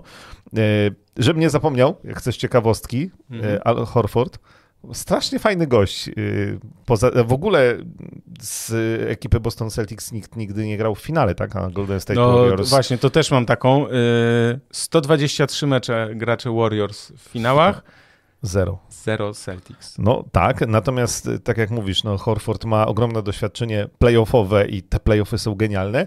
Natomiast poza wszystkim, to on jest, y, y, mam wrażenie, znaczy tak patrząc przynajmniej na jego media społecznościowe, jego działalność, strasznie fajnym gościem, y, który ma za żonę e, byłą Miss Universe, zresztą też z Dominikany, bo on pamiętajmy, że jest z Dominikany pochodzi. E, Więc e, w 2003 roku była Miss Universe, jego żona. Natomiast mają też czwórkę dzieci. E, Także naprawdę fajna, fajna rodzina i w ogóle Al To 500 Horford plus jest- razy cztery. No, to tak, tak. O, tak, tak, tak. Także generalnie i 36 urodziny w piątek obchodzi, więc świetny prezent może sobie zrobić na te urodziny, wygrywając finały. Y, I absolutnie kluczowa postać w systemie defensywnym przede wszystkim Boston Celtics. Tak jest. To co, może zaczniemy, y, że przejdziemy do Golden State Warriors, ale zacznijmy od terminarza. Poprosimy o grafikę z terminarzem finału, bo to tak, żeby nam było łatwiej mówić, bo tak jest zresztą news, te, tak jak mówiłem, jeśli ktoś dołączył, to zachęcam na probasket.pl, specjalna kategoria. y, Ja tak opi- opisałem już, już po prostu bardziej łopatologicznie się nie da tego opisać, bo ktoś mi zwrócił uwagę, że jak ja napisałem, że pierwszy mecz e, 2 czerwca, że on wcale nie jest 2 czerwca, bo według e, polskiego czasu to już jest 3 czerwca. Tak, tylko NBA podaje 2 czerwca i tak dalej, i tak dalej. Więc jakby trzymajmy się tego, że już jak ktoś chce sprawdzić, mieć pewność, to to jest to to są te daty, tak? Czyli daty, te, ta pierwsza data to jest y, jakby amerykańska data, no to potem, potem jest opisane, że to jest noc z czwartku na piątek, godzina trzecia i tak dalej. I oczywiście no, piszemy po polsku e, gospodarza na pierwszym miejscu, Golden State Warriors z przewagą własnego boiska, więc pierwsze mm, dwa mecze w San Francisco, a potem dwa kolejne e, w Bostonie. No i teraz możemy przejść do Golden State Warriors.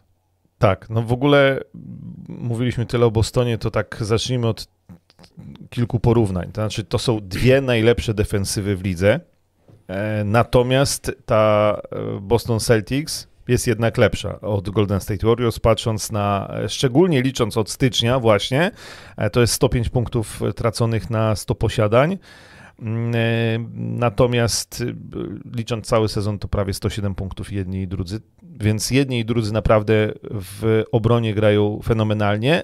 Natomiast Golden State Warriors ma 116 punktów na 100 posiadań w ataku. I to jest y, no, coś, co wiemy. Golden State Warriors jest w ataku, potrafi być e, totalnym e, potworem. Warriors są wypoczęci w przeciwieństwie do komandosów po kolejnych misjach e, z Boston Celtics, którzy są strasznie poobijani i to będzie miało znaczenie w tej serii. To, o czym mówiliśmy. Na ile zdrowy będzie Robert Williams, e, bo e, Kevin Looney bez Roberta Williamsa przeciwko sobie będzie na pewno dużo groźniejszym i bardzo ważnym zawodnikiem w rotacji Golden State Warriors. A ze zdrowym Robertem Williamsem będzie mu już zdecydowanie e, trudniej. Oczywiście tych wysokich e, Boston ma kilku, natomiast, natomiast Robert Williams to jest jedna kluczowa postać. Marcus Smart, no to jest druga kluczowa postać. Gość, który chyba jak wstaje rano, to go wszystko boli, jest tak poobijany po tych playoffach. Łączę się z nim w bólu. E, natomiast no on za wszelką cenę będzie chciał grać. Natomiast po stronie Golden State Warriors jest prawdopodobieństwo, że wróci Gary Payton e, drugi. E, gdyby to się wydarzyło, no to byłaby e, rzecz dla Steve'a Kera fantastyczna, bo dochodzi kolejny zawodnik, który może kryć Tatuma, Browna, no, bo to też trzeba, pewnie tak, tak zacznie się ta rywalizacja, że Marcus Smart będzie ganiał za Stephem Kerem, i to też jest ważne, to jego zdrowie Markusa Smarta, tak? Bo nie w pełni zdrowy Markus Smart nie nadąży za Stephem Kerem i to będzie problem, bo za Stephem Kerem trzeba ganiać przez y, cały czas, biegać za nim i to się, to się nie kończy. Smart zdrowy jest w stanie to zrobić, Smart nie w pełni sił, nie ma szans. I tu muszę wrzucić, y, wtrącić wrzutkę tak zwaną jako ciekawostkę obrona Smarta przeciwko Karemu, Karemu będzie kluczem, jasne, to masz rację. No teraz posłuchaj. Steph Curry trafiał tylko 29% rzutów z gry, kiedy Smart był jego najbliższym obrońcą i mówimy tu o całej karierze obu zawodników, kiedy grali przeciwko sobie w, w sezonach zasadniczych. Oczywiście grali mało, bo te drużyny grają ze sobą mhm. tylko dwa razy i gdzieś tam pewnie zawsze ktoś tam miał kontuzję, że to też się mogło zdarzyć, tak? Ale 29% w rzutach z gry, gdzie Steph Curry, wiesz, to jest no, najlepszy, naj, najlepszy tak, obrońca mhm. przeciwko Keremu i kiedy Smart kryje Kerego, to Warriors mają ten offensive rating na poziomie 85, drugi najniższy wynik od sezonu 2014-2015. Przy, no i to jest... przy kryciu Smarta. Ja to daję po prostu, yy, nie przesądzam tym ni niczego, ale Natomiast... taka ciekawostka, warto tak. ją sobie zapisać na twardym dysku w głowie i obserwować tę rywalizację, bo to w ogóle może być kluczem do wyniku całej serii. Tak, no i pamiętamy też ten mecz z marca, e, bardzo głośny e, Golden State Warriors z Bostonem. Boston wysoko wygrał, ale przede wszystkim głośny przez to, że e, po tym starciu czy walce w parterze o piłkę Smart uszkodził Stefa Kerego i później Kerry nie grał i... Do końca sezonu tak, grał, no, no. Ale, no to, ale Steve Kerr powiedział, że to było niebezpieczne zagranie, natomiast no to nie było celowe, tak? Nie, no tak, tak, tak, więc jakby to już nie, nie będziemy do tego wracać, natomiast no, ta rywalizacja jest niesamowita. Natomiast zapewne Jasona Tatuma przede wszystkim będzie krył Wiggins e, i to jest ogromne zadanie dla niego w defensywie, ale Wiggins też musi e, trafiać za trzy punkty, nie tak jak w serii z Dallas Mavericks. O nie, nie. Trzecia taka para, na którą będziemy patrzeć, to Brown i Thompson.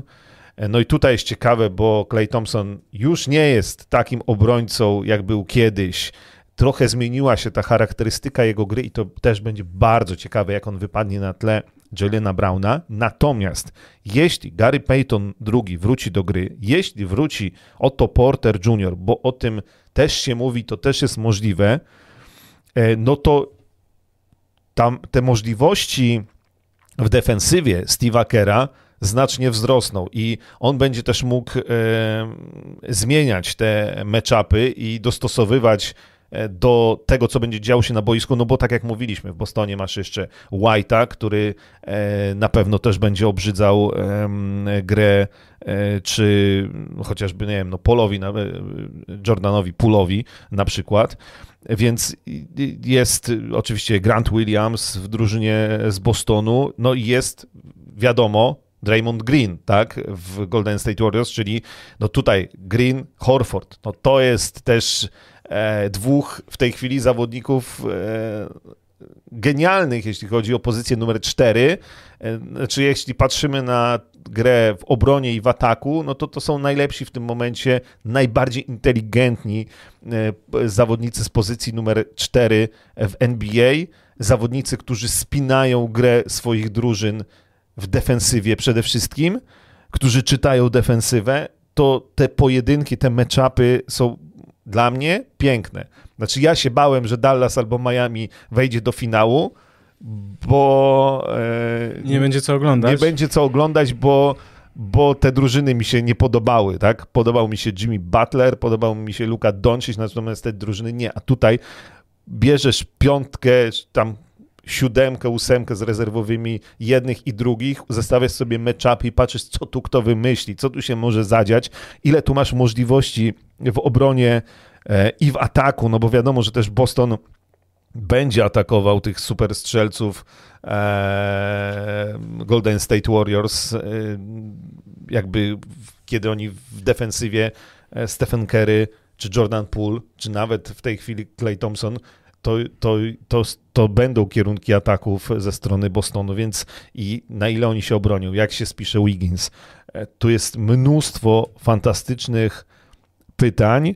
I jeszcze jest jedna rzecz, bo ja znalazłem informację, że e, Andrzej Gudala trenuje już normalnie w znaczeniu gra 5 no na 5. Dobra, to się raczej nie wydarzy, natomiast to jest kolejny zawodnik, który dałby e, trochę komfortu w defensywie Golden no State to, to Warriors. wiesz, przy, w takim już wieku też to też nie wiadomo w, jakim on, w jakiej on jest formie, więc jakby nazwiska same nazwiska nie grają, wiemy to, wiedzą to kibice Los Angeles Lakers i, i no forma jest y, bardzo ważna, tak? W sensie to, w jakiej formie będzie dany gracz, a tu z Igudalą, no miałbym miałbym wątpliwości. I to jest jako kolejna opcja, tak? Gdzieś tam w, w defensywie, którą może dodać yy, albo jakoś użyć yy, Steve Kerr. Natomiast... Yy... Przewaga na pewno z Warriors jest taka, że mm, grają u siebie, wiadomo, pierwsze dwa mecze, ale mają ogromne doświadczenie, już byli w finałach,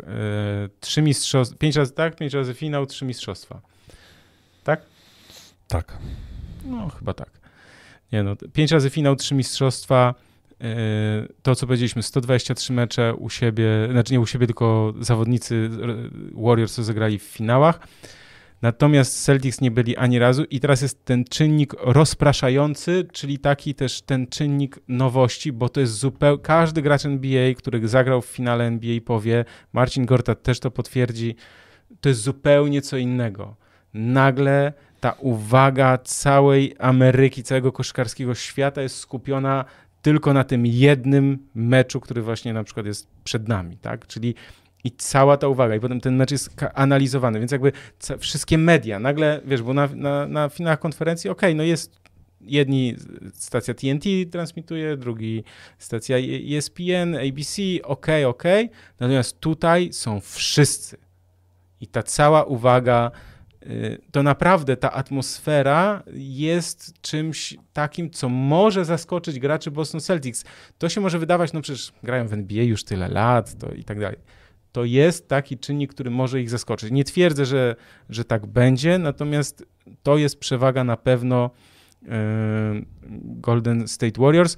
Od 25 lat nie było takiej przewagi w, tych, w tej liczbie meczów doświadczenia w finałach, bo ostatni raz to było w Bulls Jazz w finale w 9-7, słuchaj. Więc taka, taka była różnica yy, tak duża, tak, w sensie yy, tego doświadczenia. Yy, co jeszcze będzie mm, przewagą Golden State Warriors? No na pewno ta szybka gra i rzuty z dystansu, ale ja ja tak, ja na to wszystko patrzę i ja o ile ja wiem, że powiedziałem, że Dallas wygrają z Golden State, ale to tak trochę, trochę chyba tak z przekory. Ja naprawdę nie skazywałbym Celtics na przegraną, bo, bo nie jestem pewien, czy Golden State Warriors to jest ta drużyna, którą pamiętamy z tych poprzednich lat gry w finałach, tą rewelację, nawet bez Duranta, tak, wcześniejszy, ten 73 do 9 i tak dalej. Ja wiem, że był wtedy też Steph, Clay i Draymond Green, natomiast to jest już, to są już zupełnie, to może nie zupełnie, ale to są też już troszkę inni zawodnicy. Steph większy, jest starszy, Clay po tych e, strasznych kontuzjach i tak dalej i i to jest też tak, że, że uważam, że, że Golden State Warriors nie budują kolejnej dynastii z uwagi na to, co powiedzieliśmy na początku, tak? Czyli, że, że mnóstwo drużyn jest mocnych na zachodzie. Oni troszkę, troszkę, troszeczkę mieli szczęścia w tych playoffach że nie trafili na Phoenix Suns, bo tam zupełnie inne meczapy, tak? Gdyby Phoenix Suns się nie, nie, nie załamali w meczu numer 7, to moim zdaniem tam z Aytonem, Javelem McGee to byłaby zupełnie inna gra. Yy, nie twierdzę, żeby wygrali, ale wydaje mi się, że byłaby zupełnie inna, yy, inna historia i, i to Golden State Warriors, tak na nich patrzymy, że pojechali Dallas, Memphis bez problemu, no to no to co, no to chyba nie, to ja tak nie patrzę. Znaczy, nie, ja, wie, ja, wiem. Ja też biorę to, znaczy ja w ogóle e, już napisałem na Twitterze, że Boston w sześciu e, i to nie jest pewność, natomiast pewność mam co do tego, że Boston ma wszystko, e, żeby Golden State Warriors pokonać. Znaczy ja wiem, jak oni powinni zagrać i to jest dosyć oczywiste. Znaczy, jeśli oni będą zdrowi, przekazywanie krycia wszystkiego, tak, i ganianie za i, i jakby utrudnienie rzutów za trzy punkty oraz zwy, wygranie wysokich, znaczy moim zdaniem Williams jest lepszy od y, Luneya i tylko pytanie na ile zdrowy i Horford jest w takiej formie, że też jest lepszy od Draymonda Greena, to wydaje mi się, że Boston Celtics, zakładając, że przystąpią zdrowi, y, mają wszystkie asy. Tak. Wiem, ja chciałem, słuchaj, ja chciałem jeszcze. trochę, trochę mi wstyd. W sensie chciałem wyszukać jeszcze kolejne takie argumenty za Golden State Warriors, ale patrzę sobie w notatki i mówię, kurczę, tu są kolejne jakieś rzeczy za, za Celtics, bo na przykład to, to że meczapy i że one są trudniejsze dla Warriors niż dla Celtics, tak? To znaczy, mhm. że y, na przykład y, ważna rzecz. Celtics mieli kogo atakować, ustawiać ten atak y, z takim przekazaniem, że na przykład w, w rywalizacji z Milwaukee grali na tego Graysona Allena. jak były mecze z Miami, to na Tylera Hero, czyli na tego słabego obrońcę. Teraz pewnie będzie często taka próba takich sytuacji, żeby grać na przykład jeden na jeden, że będzie jakieś, jakieś przekazanie i żeby grać ze Stephem Kerem na przykład, żeby albo mhm. Brown, albo Tatum grali jeden na jeden ze Stephem, bo Steph nie jest wybitnym obrońcą, yy, jest od tych graczy niższy.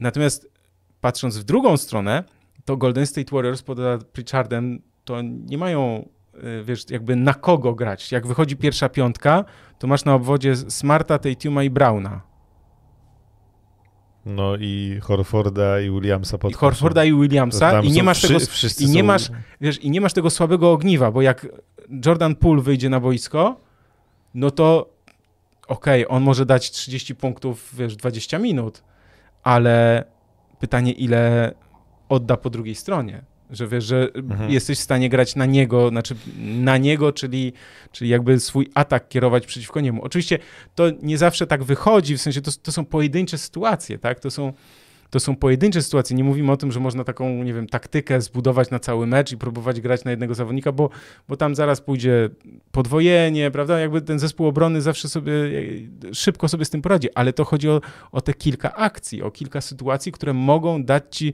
e, przewagę, bo wiesz, no to jest obserwując te mecze i w ogóle wszystkie mecze NBA, to, to jest tak, że to jest taka gra, to jest taki ping-pong, tak? Cios za cios, no bo tak koszykówka jest skonstruowana, tak? Jest cios za cios i czekasz na ten błąd rywala, tak naprawdę, tak? Czyli yy, czekasz na to, na przykład Golden State Warriors są w tym mistrzami, to trzeba im oddać, że czekają na ten błąd rywala, kiedy zapalą jedną trójkę, Steph trafi jedną trójkę, ustawiasz szybko, wiesz, nie wiem, dobrze wybroniona akcja i, i jest kolejna trójka i nagle robi się, wiesz, z remisu jest plus 6 albo plus 8, tak? I już masz przewagę i możesz na tej przewadze budować, jakby zupełnie jest, jesteś innej sytuacji. I, I Golden State Warriors rzeczywiście są mistrzami w tym, w tym szukaniu tych błędów, jakby ym, w tym wykorzystywaniu błędów rywali. Natomiast, no, pytanie jest takie, czy ten Boston jednak nie będzie też potrafił tego zrobić, tak? Czy nie będzie potrafił zmusić do rzutów z bardzo trudnych pozycji. Mhm. Wiesz co, ja tak szukając, y, bo trochę nam wychodzi, że tu Boston jest faworytem, natomiast też tak patrzyłem na też amerykańskich dziennikarzy, jednak sporo jest y, zdań, że znaczy, nie widziałem, żeby ktoś wszyscy postawił na 4-2, 4-3. E, nie, no nie, że wszyscy. Znaczy, A Maris wszyscy... Stodemeyer mówi, że Boston wygra. No więc jakby są tacy, którzy Boston, znaczy wie, wiele typów jest takich, że Golden Mark, State Warriors, ale jak Boston wygra, to nie będzie to wielka niespodzianka, bo mogą to zrobić. Natomiast jeśli szukamy przewag po stronie Golden State Warriors, to po pierwsze jednak ten ich atak to się łatwo mówi e, tutaj nam teoretycznie, że e, Boston sobie z tym poradzi, natomiast bardzo długo no, Nikt nie był w stanie sobie z tym poradzić, ale ja ci przerwę, bo wiem, co chcesz powiedzieć. Kto, jak nie Boston Celtics, mają znaczy, mogą to zrobić. No tak, znaczy, no, nikt... oczywiście wiadomo, że to jest ta najlepsza defensywa w tej chwili w NBA, więc e, nie chcę też porównywać ani Denver Nuggets, ani Memphis Grizzlies, ani Dallas Mavericks, bo oni im po prostu e, w ogóle dopasowanie się do tego ataku, złapanie go, spróbowanie e, bronienia tego mega szybkiego ataku, gdzie cały czas e, wszystko jest w ruchu i gdzie cały czas trzeba naprawdę biegać e, za każdym z tych zawodników, to zajęło dużo czasu. No i generalnie nie wystarczyło tego czasu na tyle, żeby wygrać serię. Więc to, to oczywiście, kto jeśli nie Boston. Natomiast jeśli szukamy przewag Golden State Warriors, to wracam do tematu strat, bo jednak w Golden State Warriors masz Stefa Kerego, który dobra, jest rozgrywającym, jest świetnym rzucającym, ale od niego najwięcej zależy w ataku. Natomiast w Bostonie bardzo dużo akcji kreuje Jason Tatum, bardzo dużo akcji kreuje Jalen Brown. E, no Marcus Smart ma trochę inną rolę niż Steph Curry w Golden State Warriors, więc i z tego też wynika, e, oni popełniają dużo strat, no bo oni nie są typowymi rozgrywającymi, bo oni e, grają, ta gra jest wtedy na większym ryzyku e, i tych strat jest więcej. I to Golden State Warriors może próbować wykorzystać. To po pierwsze, te straty jakby ich zamieniać na punkty. Po drugie, oni sami e, tych strat przynajmniej teoretycznie powinni popełniać mniej, chociaż ich i tak w tych playoffach powiedziałbym, że po stronie Golden State Warriors jest jak na nich za dużo, no ale przynajmniej teoretycznie no to gdzieś tutaj ja widzę przewagę w tym, że to jednak Steph Curry prowadzi grę, chyba że siądzie na nim Markus Smart, który już wydobrze Tak, e, to, i, to jest zabawne, bo e, to robi, robi, nam się, robi nam się zapowiedź finałów z analizą e, przez godzinę ponad tego, co, może, co mogą zrobić Boston Celtics, a i tak Golden State Warriors wygrają. No, że, może też tak być. Może też tak być, ale ja mam kolejną ciekawostkę i znów na, na korzyść Celtics. Słuchaj, od kiedy Golden State Warriors prowadzi Steve Kerr, to Boston Celtics jest to jedyna drużyna, która ma dodatni bilans z Warriors. 9-7. Drudzy są Spurs z bilansem 13-3. Słuchaj. Kerr prowadzi Warriors od 2014-2015. No ale to też wynika z tego, że Boston Gra za, no. właściwie zawsze nam się zmieniali, tak? Gwiazdy się zmieniały, nazwijmy to, natomiast oni gdzieś, gdzie- nie- może nie zawsze, ale prawie zawsze byli wymieniani wśród faworytów wschodu. Poza tym pamiętajmy, że dwa lata Golden State Warriors byli poza playoffami, więc jakby Tak, no mieli słabsze sezony, bo ten jeden, kiedy pierwszy rok nieobecności Kleja, potem drugi i też kontuzja Stefa Kerego, prawda? Więc jakby Tak, tam przykład- miałeś cztery mecze do, do, wycie- do wyrwania słabych Warriors, więc jakby to Tak, jest tak, trochę, tak, tak, to znaczy tak. to jest tylko jako ciekawostka, No ale tak? jest to też y, jednak niesamowite, że akurat, akurat Boston, Że akurat natomiast ci, nie? mnie, y, ale to wrócę trochę do, do Miami Heat, mnie to zaciekawiło, że od 2012 roku tylko z ubiegło, z wyjątkiem był ubiegłoroczny finał 21, e, a poza tym wszystkie finały od 2012 roku e, to były finały, w których był albo Eric Spelstra, albo Steve Kerr, czyli albo Miami Heat, albo Golden State Warriors. E, I to jest niesamowite, że nigdy te drużyny ze sobą się jednak nie spotkały. E, trochę mi to przypomina historię z lat 90. i Chicago Bulls i Houston Rockets, y, bo jak doszło do tego, że Jordan i Olajuwon nie stanęli naprzeciwko so, przeciwko sobie, ani w ogóle Chicago przeciwko Houston, nawet Chicago bez Jordana, e, to nie wiem, bo Chicago 6 tytułów, Houston 2 tytuły, a, a ze sobą w finale nigdy nie zagrali, więc e, to też jest e, fajna historia. Tym razem jest Steve Kerr. E, W finale Erika Spelstry nie ma. Czekaj, bo odpisuję tutaj na czacie, bo e, Maciek się zaciekawił, kto był tą drużyną, która awansowała 40 lat temu z ujemnym bilansem do finału, bo ja powiedziałem, że od 40 lat. Trzeba by sobie odjąć, wiesz, bo ja, ja trochę mam też taki minus tych moich ciekawostek jest, że ja mam je właśnie też czasem takie wybrakowane, bo to jest tak, że ja coś usłyszę na przykład właśnie e, w jakimś czy podcaście e, amerykańskim, czy oglądając ESPN i sobie notuję i potem mogę tutaj e, sprzedawać i udawać e, mądrego. Więc, e, no ale to może trzeba po prostu odjąć 40 i wtedy zobaczymy, kto będzie, kto będzie, kto tam był w finale 40 lat temu. Coś jeszcze chciałem powiedzieć, wiem, bo powiedzieliśmy o tym na początku, ale to było skierowane też do tych osób, które nas bardziej słuchają z odtworzenia, a teraz chciałbym to przypomnieć też osobom, które nas oglądają w tej chwili na żywo, bo jest to prawie 300 osób, więc chciałem przypomnieć, że jest taka opcja, że można nas wesprzeć finansowo. Jeśli byście chcieli, to e, będzie nam bardzo miło. Jeśli ktoś e, no nie ma takich możliwości, ale chce nam po prostu przesłać pozdrowienia, to też e, jak najbardziej dziękujemy i przyjmujemy też pozdrowienia też przyjmujemy, a finanse, wiecie, przydają się po to, żeby rozwijać podcast, płacić za studia e, i różne takie mm, ciekawostki, żeby po prostu e, móc tutaj jak najwięcej nagrywać i, i żeby to było dobrej jakości, żebyśmy my też mieli czas, żeby mówić do sensu albo przynajmniej ciekawie, a nie po prostu gdzieś na kolanie to sobie zbierać. Wiesz co, na szybko chyba podejrzewam E, Może Lakers? uzupełnienie twojej ciekawostki. Nie, no, nie lekceważ serca mistrza, ale to y, y, trenera Houston Rockets słowa, ale to nie jest, nie jest sprzed y, 40 lat, ale przed 40 latami sytuacja była podobna, bo Houston Rockets e, zaczynali playoffy z szóstego miejsca i zostali mistrzem w 81 roku.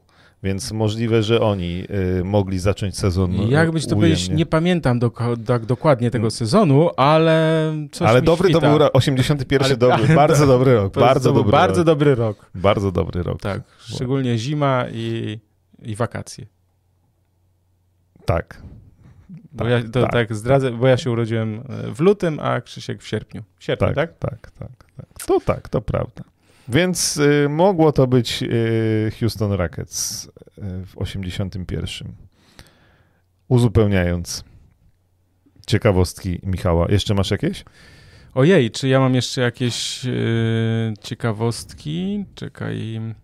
No o obronie Draymonda Greena to to, że e, jego rywale rzucają ze skutecznością 28% w tych playoffach, więc No tak, no bo nie zapominajmy tutaj, rozpływamy się oczywiście nad tą obroną Boston Celtics, natomiast ta obrona Warriors też e, jest. Warriors no, jest e, drugą e, najlepszą. Andrew Wiggins, którego ja się on będzie kluczem. naśmiewałem. On będzie kluczem, może być kluczem Ja się z tutaj niego- do ja prze- mistrzostwa. No. Ja jeszcze nawet, słuchaj, ja nawet to, że on został wybrany do meczu gwiazd, to tak troszkę, troszkę tak sobie y, y, dworowałem. Nie, no nie, to przesada. Natomiast- Nie, pierwsza piątka meczu gwiazd to Nie, przesada. to ja wiem, że przesada, dlatego nie, sobie na, przesada, to, na no. takie żarty pozwoliłem. Natomiast y, szacun, no bo w końcu jest tym zawodnikiem, którego oczekiwano, że będzie w Nie. Minnesocie i Nie, no oczekiwano, że będzie liderem i gwiazdą, no a tu jest... No tak, z- Powiedzmy no. tak, znaczy chyba też dobrze dla jego głowy, że, że tu właśnie została zdjęta z niego presja, Tak, że on nie tak, jest tak, ani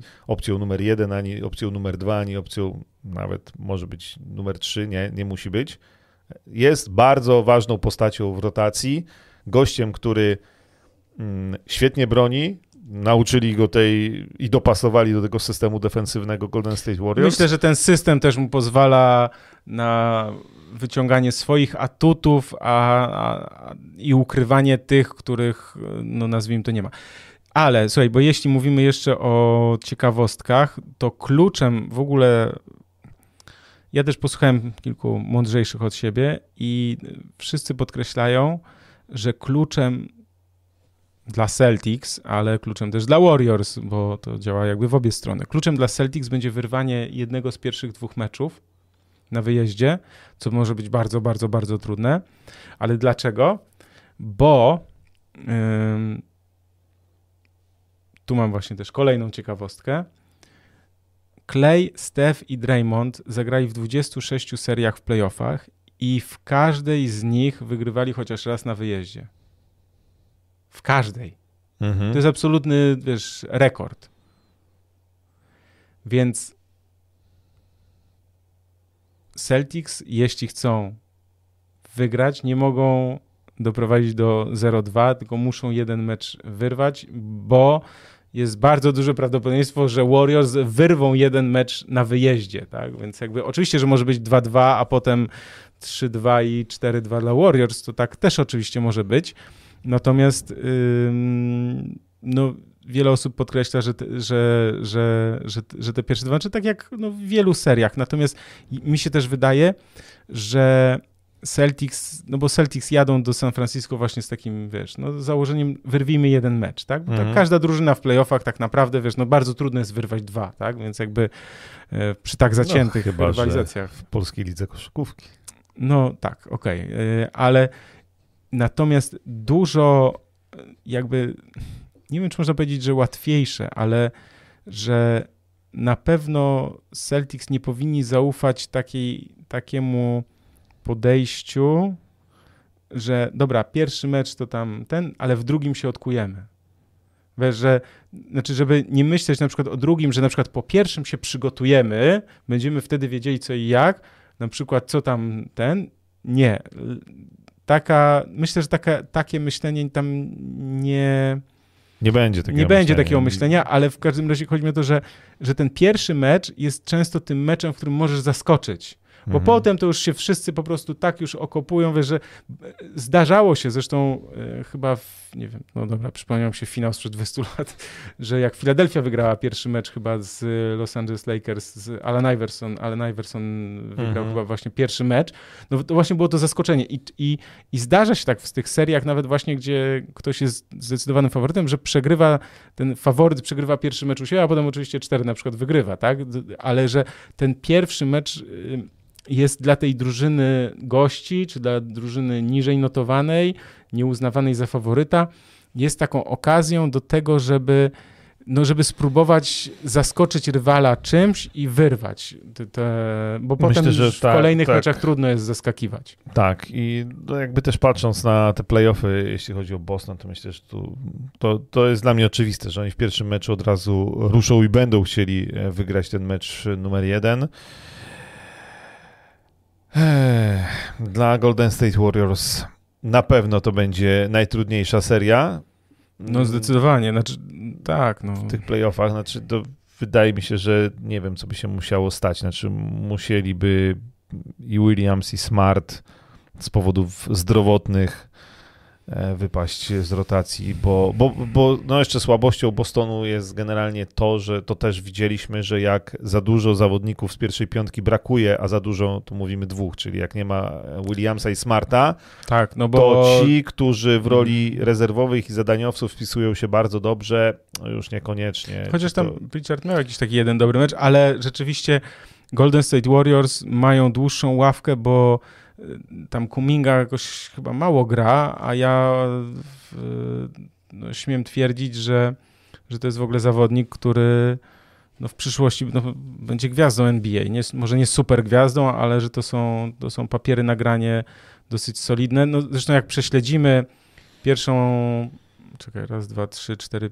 pięciu, pierwszą piątkę zawodników, którzy spędzają najwięcej minut na parkiecie, to powyżej 30 to jest właśnie Steph Curry, Clay Thompson, Jordan Poole, Andrew Wiggins i Draymond Green, więc oni grają, każdy z nich gra po 30 lub więcej minut na boisku, a potem już tam... A Lunej... Mm, Lunej 19,9, a Otto Porter grał 21. No tak, no to też jeśli wróci Otto Porter, jeśli wróci Gary Payton II, no to też od razu to ta też, ławka... To, to też się zmienia Warriors, zupełnie. Tak, tak. To, to, o czym mówiliśmy, to, to też na razie nie do końca jesteśmy w stanie przewidzieć. Ale to, bo to co, to jakby żeby to, że oni grają po te 30 minut, to jakby nie ma największej, nie, nie, nie, o to chodzi. W, to, co miałem na myśli, chodzi mi o to, że, że tam może wejść Kuminga bez problemu. Jeśli wróci Peyton, to tym bardziej, tak? W sensie takim, że Otto Porter też jakby że tam ma kto wchodzić z ławki, nie? W sensie mhm. w, nie wiem, w sytuacji z faulami na przykład, czy coś. Natomiast no tu mamy wiesz, Tatum, Brown, Smart, Horford, Williams, White i drugi Williams i tu masz siedmiu. I no potem to już jest, jest Pritchard, Pritchard, który no jest fajnie, że tam parę razy coś zapalił, ale no można przeciwko niemu grać, mm, wiesz. Da, no I, i to masz, jest koniec, tak? Masz, masz no, siedmiu gości i jak ci jeden wypada, to już masz sześciu, nie? I jest, już masz problem, no. No powiedzmy, że Daniel Tajs jeszcze. No no tak, ale to wiesz, no środkowy, no próbujesz mhm. grać. Nie, no tak, tak, tak. Wtedy nie możesz grać. No, znaczy, jest... jeśli chodzi o strefę podkoszową, to i tak Boston wygląda nieźle, natomiast e, natomiast tak, no teoretycznie w pełnym zdrowiu e, ławka Golden State Warriors jest atutem. E, słuchajcie, czy to już jest czas? No dobra, to ja powiem. Jeszcze można e, głosować w ankiecie, natomiast ja już powiem, bo godzinę temu ona została dodana, więc już mamy ponad 240 głosów. To Golden State Warriors 65%. No to zobaczymy. Ja myślę, że. A ty postawiłeś jakiś taki typ ten? Ale słuchaj, a, a, co ty mnie tutaj? No nie, no ja, ja powiedziałem 4-2 dla Bostonu i trudno. Ja uważam, że Golden State Warriors są faworytami. Ty też tak uważasz? Nie. Ja uważam, że Boston jest w tej chwili lepszą drużyną. Hmm. I jedyne, co ich może zgubić, to albo brak zdrowia hmm. i to przemęczenie po tych ciężkich bardzo dla nich playoffach, albo E, własna e, głupota, straty, brak zimnej krwi, brak doświadczenia, czyli coś, co widzieliśmy mm, w niektórych meczach w tych playoffach, ale pytanie, czy wyciągną z tego wnioski, czy będą mądrzejsi, czy to doświadczenie, którym się nie mogą w żaden sposób równać z Golden State Warriors, jakoś tam zbudowali przez e, te obecne. Playoffy. No. Wiesz, ja mam taką cechę charakteru, że ja czasami za dużo myślę i za dużo kombinuję, ale to nie jest takie chwalenie się, że jestem myślicielem, tylko że raczej takiego czasem za, za dużo tych rozkmin, że trudno mi podjąć decyzję. Tak, w wielu jakichś takich życiowych kwestiach też. I, i tutaj mam taki problem, że mm, uważam, że Golden State Warriors są faworytami, natomiast jeśli ktoś mnie pyta, to ja stawiam Celtics 4-2. A nie, no to gratuluję. Ale nie dlatego, że ty tak postawiłeś, tylko że po prostu ja tak powiedziałem, bo wydaje mi się, że te argumenty, które przedstawiliśmy przez półtorej godziny, e, że to nie są wyssane z palca, czy wiesz, takie na siłę, nie jesteśmy kibicami Celtics. Ja to w ogóle ich nie przepadam za nimi. Ty to trochę może jesteś. No, ja bluzę masz. Bluzę mam. No, no bluzę masz. Y, ale że, Nie, no ja że te argumenty na no. mój tak zwany, na moje pirackie oko i na mój chłopski rozum, że to są argumenty, które które mogą się sprawdzić, zrealizować, tak? Że to nie są takie, wiesz, od czapy wymyślone jakieś i tak dalej, że to są rzeczywiście mocne, twarde argumenty na papierze. Natomiast co tam się zadzieje? Czy wiesz, bo możemy być też świadkami tego, chociaż mi jest trudno w to uwierzyć, dlatego też czuję jednak podekscytowanie tym finałem, bo jak pomyślałem sobie, że będzie Golden State Warriors z Miami, to, to mi się wydawało, że to Miami zostanie po prostu rozjechane, bo tam Jimmy Butler może wy, wyrwie jeden mecz i mówię, kurde, nie będzie trochę o czym gadać i, i co oglądać, nie? W sensie Mhm. takim, i to Golden State Warriors, ten Steph z tym, tą swoją nonszalancją, trafiający trójkę, nie patrzący na kosz i tu jedenasty metr i tak dalej, że to będzie jakby spacerek dla nich, nie? Natomiast mi się wydaje, że, że to nie będzie spacerek, ale też być może się zadziać tak, w co jest mi trudno uwierzyć, ale biorę taki scenariusz pod uwagę. No, że Warriors ich po prostu rozjadą. W sensie 4-1, czy, czy wiesz, 4-2, że, że Znaczy, wiesz, Steph, zawsze- Clay i, i Poole będą po prostu trafiać trójka za trójką, i znaczy, że to będzie tak jak z Dallas, a z drugiej strony wszystko mi mówi w kościach, no, że, że tak nie będzie jednak. Nie, mi wszystko mówi w kościach, że tak nie będzie. Znaczy, mi, Strzyka ci trochę? Mi strzyka Na w zielono. Kościach, że, tak, na zielono, że, że no, nie, no, no, nie wierzę po tych playoffach, że Boston może zawalić te finały, no, i tyle. Shake 1979 pisze też słuszny argument, że już Warriors mieli atletów z Memphis w zbiórkach, mieli jeden mecz do tyłu. No ale wiesz, to, to był Memphis to atleci, ale jednak dzie, dzieciaki, młokosy, tam wiesz, wy, wyskakani, ale no to jednak nie, nie ta skala, zwłaszcza bez Moranta. Tak. Mm, Gniewko pisze też, że daleko będą mieli. 6 godzin z Bostonu. Yy. Ale lepiej, czekaj, bo ja to zrobiłem, bo ja to zrobiłem w Aha. tym newsie z terminarzem. No, no widzisz. Aha. Jest, to też podrzucam wam na czacie, jakby ktoś chciał zobaczyć, bo to, ja to lubię takie historie w ogóle. Takie, takie, takie. To taki news terminarzem, jakby ktoś tam ten.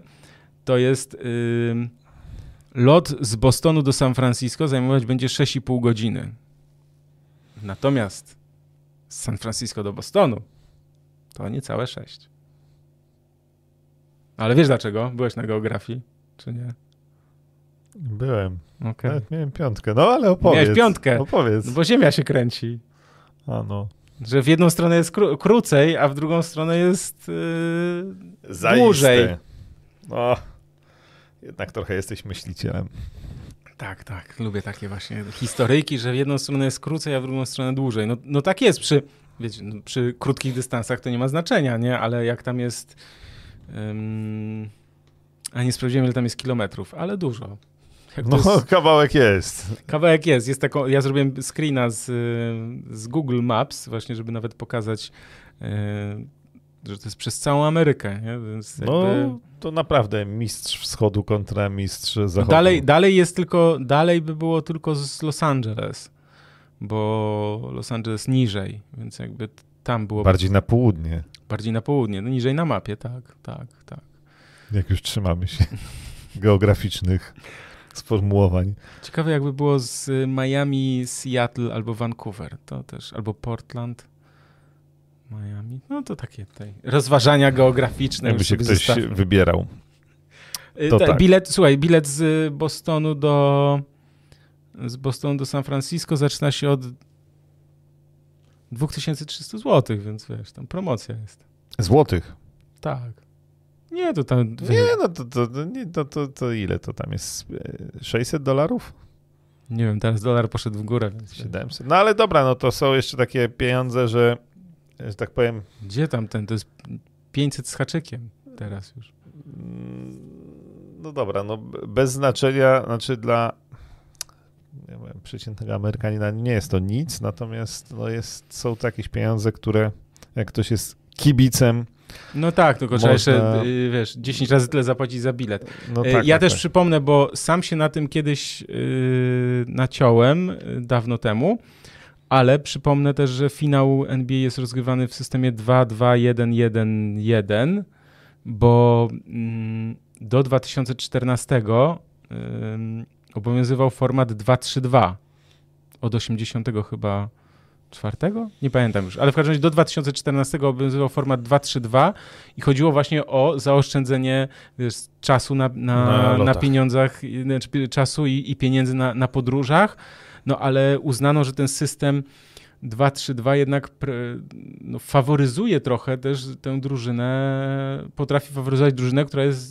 z niższego tak, miejsca. Tak, bo wystarczy właśnie, że wyrwiesz jeden mecz y, z o. tych dwóch pierwszych i masz trzy, trzy mecze u siebie. I... Tak. Albo, albo nawet y, albo nawet czekaj, albo nawet nie wyrwiesz, ale, ale odrobisz, w sensie wygrasz wszystkie trzy u siebie i potem masz jeszcze tak. dwa na wyjeździe, tak, w sensie... Więc, ale prowadzisz 3-2. Prowadzisz 3-2, no nie? tak, tak, tak. Więc, y, no ale to też y, trochę się czasy zmieniły. Te loty właśnie, mm, jakby i logistyka są na tak wysokim poziomie i koszykarze NBA latają czarterami, e, a nie rejsowymi samolotami, więc to się usprawniło bardzo, więc y, stąd też ta zmiana. E, no ale teraz będziemy mieli dalekie loty. Rzeczywiście. Tak, ja przypomnę jeszcze, jeśli ktoś się włączył, że w restauracji Nines y, w Warszawie y, będzie możliwość oglądania, jeśli dobrze pamiętam, to drugiego i czwartego meczu. Y, sprawdźcie to na stronie Nines. Jest tylko jedna kwestia, że tam trzeba wykupić taki bilecik, nazwijmy to kupon czy voucher na stówkę, którą potem można zostawić przy barze. Więc jakby to jest taka kwestia, to, to możecie sobie sprawdzić. Yy, o czym jeszcze chciałem powiedzieć? Dziękujemy wszystkim, którzy nas wsparli dzisiaj. Finansowo, tak jest. Też, kciukami też. Kciukami też i finansowo też dziękujemy. Wydamy, wydamy dobrze te pieniążki. Dobra. Yy, jeszcze chcę, bo mhm. ostatnie minuty mamy. Yy... Ale wiesz, że my musimy jeszcze powiedzieć, że Los Angeles Lakers mają trenera. No tak. A czy ty pamiętasz Derwina Hama, czy nie? Nie. Nie, nie, nie pamiętasz? Ci, nie, nie pamiętam. Nie, no, A, no, do, bo ja wtedy, nie. to za młody na Heroda byłeś. Nie, no nie, no do, wiesz, no doczytałem, że był gdzieś tam mm, daleko na ławce mistrzem y, z Detroit. Pistons. Ale nie, to nie, te, to nie, te lat, nie te, nie, te. No lata 90. gdzieś Słuchaj, tam, ale... on wystąpił kiedyś w tym, w konkursie wsadów. To jest w ogóle y, fajny gość. Y, ja go lubiłem, bo on grał w moich Milwaukee Bucks którym ja wtedy kibicowałem. To, to ja nie oglądałem pewnie w ogóle Milwaukee Bucks, no. No rozumiem. On grał wtedy z, wiesz, z Glennem Robinsonem, Rayem Allenem. No, fajnie, fajnie. No. Fajnie, fajnie, nie za fajnie, ja wiem. Ale on tam grał mało, więc jakby to jest, to, to taki gość y, wzięty w ogóle poza draftem, dwumetrowy, ale nabity niesamowicie, taki podkoszowy. No, zabrakło mu zabrakło mu 5-7 centymetrów, żeby grać, odegrać w NBA jakąś rolę, nazwijmy to, bo to jest raczej zawodnik na pozycji numer 4, a nie, a nie 3 był, w sensie jeśli chodzi o jego umiejętności, bo to raczej taki właśnie gość wyskakany, napakowany strasznie do zbiórek, natomiast... 201 ja centymetrów wzrostu, No ja teraz spojrzałem, to on ma 48 lat, nie? Mówię, no, mówię, wow, nie? No w każdym razie y, to jest były zawodnik NBA, y, nie z wielką... Y, karierą, ale z dużym szacunkiem wśród zawodników, ponieważ ale z pierścieniem. Ale z pierścieniem to, to ważne i też przepracował mnóstwo lat jako asystent. I był też w ogóle w Los, w Los Angeles Lakers asystentem. Był też w Milwaukee Bucks. 11-13 y, to za, za Steve'a Nasha, tak? Ten tam z Dwightem Howardem. Y, to, to, to, to ten team, nie? Lakers 2-12. Wspaniały. Mm, super. E, e, wspaniały nie wypał. E, tak, natomiast no, był e, asystentem też e, w Atlancie przez 5 lat, no i w Milwaukee Bucks. Twoich ulubionych. No już. I był, I był mistrzem też jako asystent trenera w poprzednim sezonie. Natomiast Natomiast jakie są tu, za, jakie y, y, zatrudnienie tego szkoleniowca przez Los Angeles Lakers, y, jakie to niesie zagrożenia? Konsekwencje. Wiesz co, znaczy, to jest dobry wybór, bo to jest były zawodnik, więc tam na pewno LeBron będzie go szanował, bo bo ja powinien. Boję, że właśnie LeBron gość, zaakceptował i Gość z charakterem, no. Yy, więc może Russell Westbrook też się będzie inaczej zachowywał. Wiesz co, mi się wydaje, że to, że to jest dobry wybór, natomiast to na razie niczego nie zmienia. W tym sensie, że jeśli patrzysz na Los Angeles Lakers, to musisz, musisz się zastanowić, co oni w ogóle są w stanie ugrać, y, jakim składem obudują, jeśli w ogóle uda im się, nie wiem, pozyskać jakiegoś dobrego zawodnika, a nie, nie wiem, kogoś z draftu i kogoś spoza draftu, więc jakby ja bym zaczekał z tym wszystkim.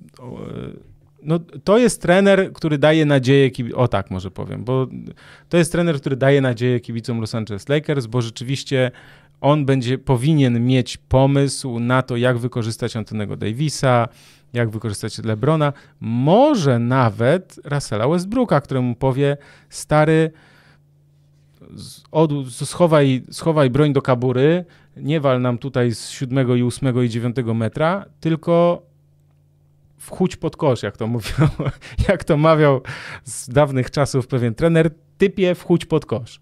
I yy, niech on wchodzi pod kosz i tam próbuje coś grać, aczkolwiek z tym jego wchodzeniem to w zeszłym sezonie było... Mm. Też różnie. Różnie, więc moim zdaniem kluczowe jest to, co w ogóle Lakers robią ze swoim składem. Tak. I czy Anton Davis będzie zdrowy?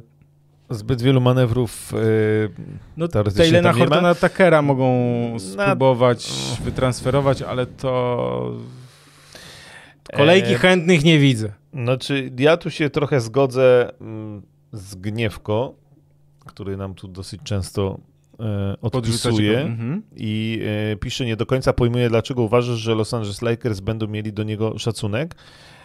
E, znaczy rozumiem, że to wynika z tego, że był zawodnik, że mistrz, że doświadczenie jako asystent. E, Ale też charakter jest taki gość, to jest taki gość, mm. który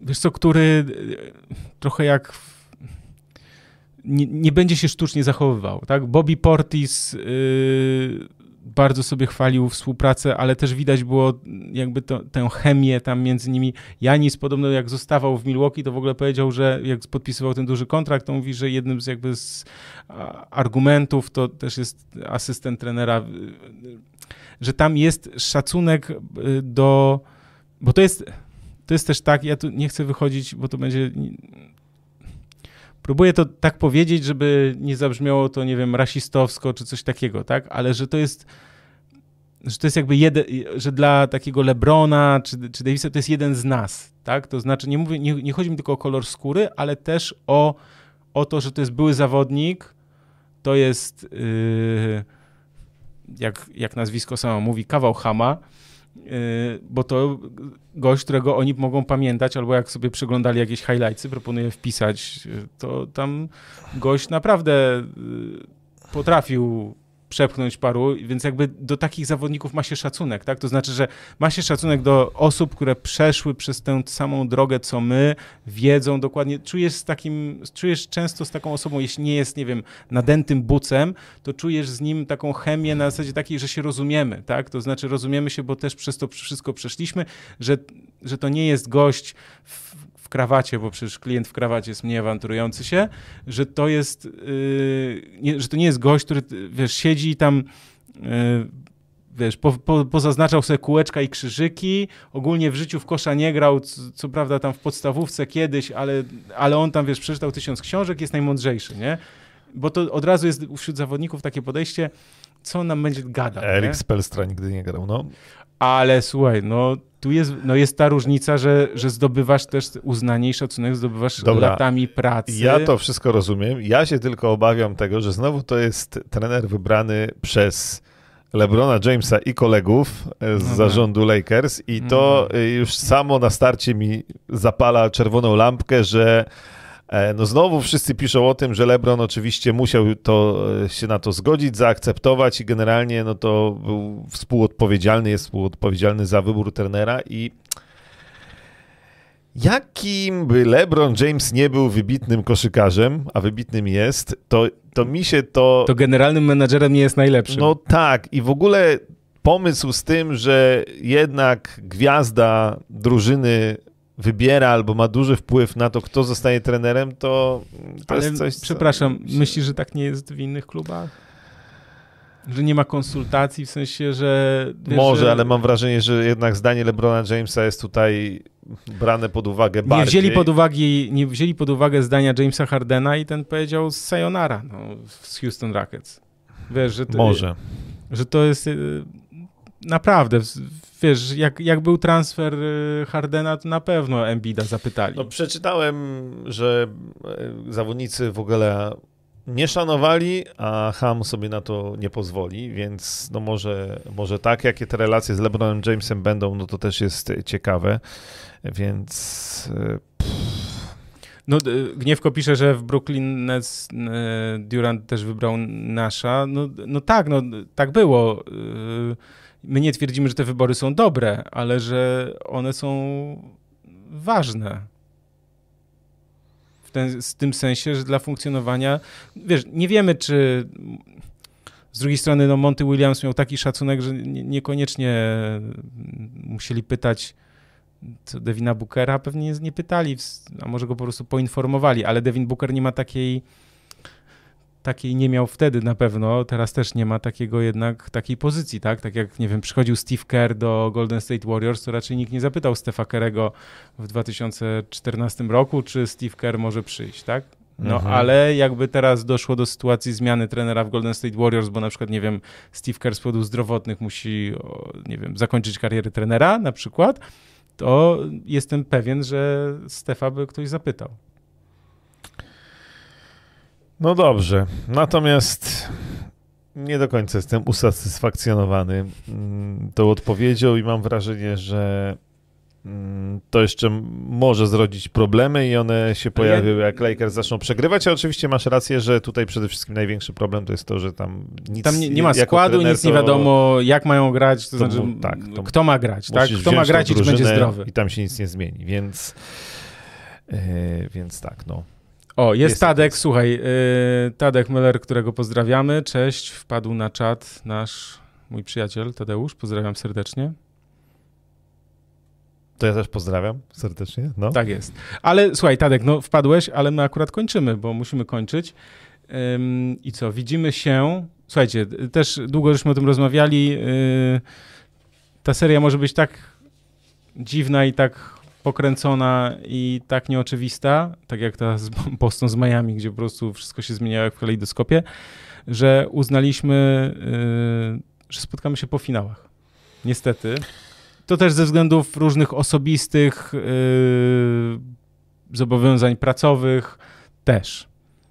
Ale Tak. spotkamy się po finałach. Więc mm, co musicie robić? Musicie czytać ProBasket, to tam na pewno będzie informacja, e, w jakim konkretnie dniu to będzie, ale gdzieś zaraz po ostatnim meczu e, finału, no i pewnie na naszych mediach społecznościowych, na Twitterach, e, gdzie tam jeszcze, Facebookach, Instagramach, na Twitterze to na pewno e, też znajdziecie informacje, ale przede wszystkim na ProBasket, na bank będzie, więc myślę, że jak ktoś w miarę śledzi i probasket.pl i podcasty, to raczej tego nie przegapi, więc e, więc zaraz po finale, nie wiem, czy to będzie następnego dnia, czy dwa dni po, zależy jak tam się sytuacja ułoży. Tak, jaki to będzie dzień po ilu meczach, tak? Bo Tak. to jakby. Jak będzie 7 meczów, to wiadomo kiedy. Znaczy ogłosimy to wcześniej, bo wtedy Mhm. już sobie zaplanujemy. Natomiast no, zobaczymy, czy to się skończy w 7, 6, 5, czy może w 4.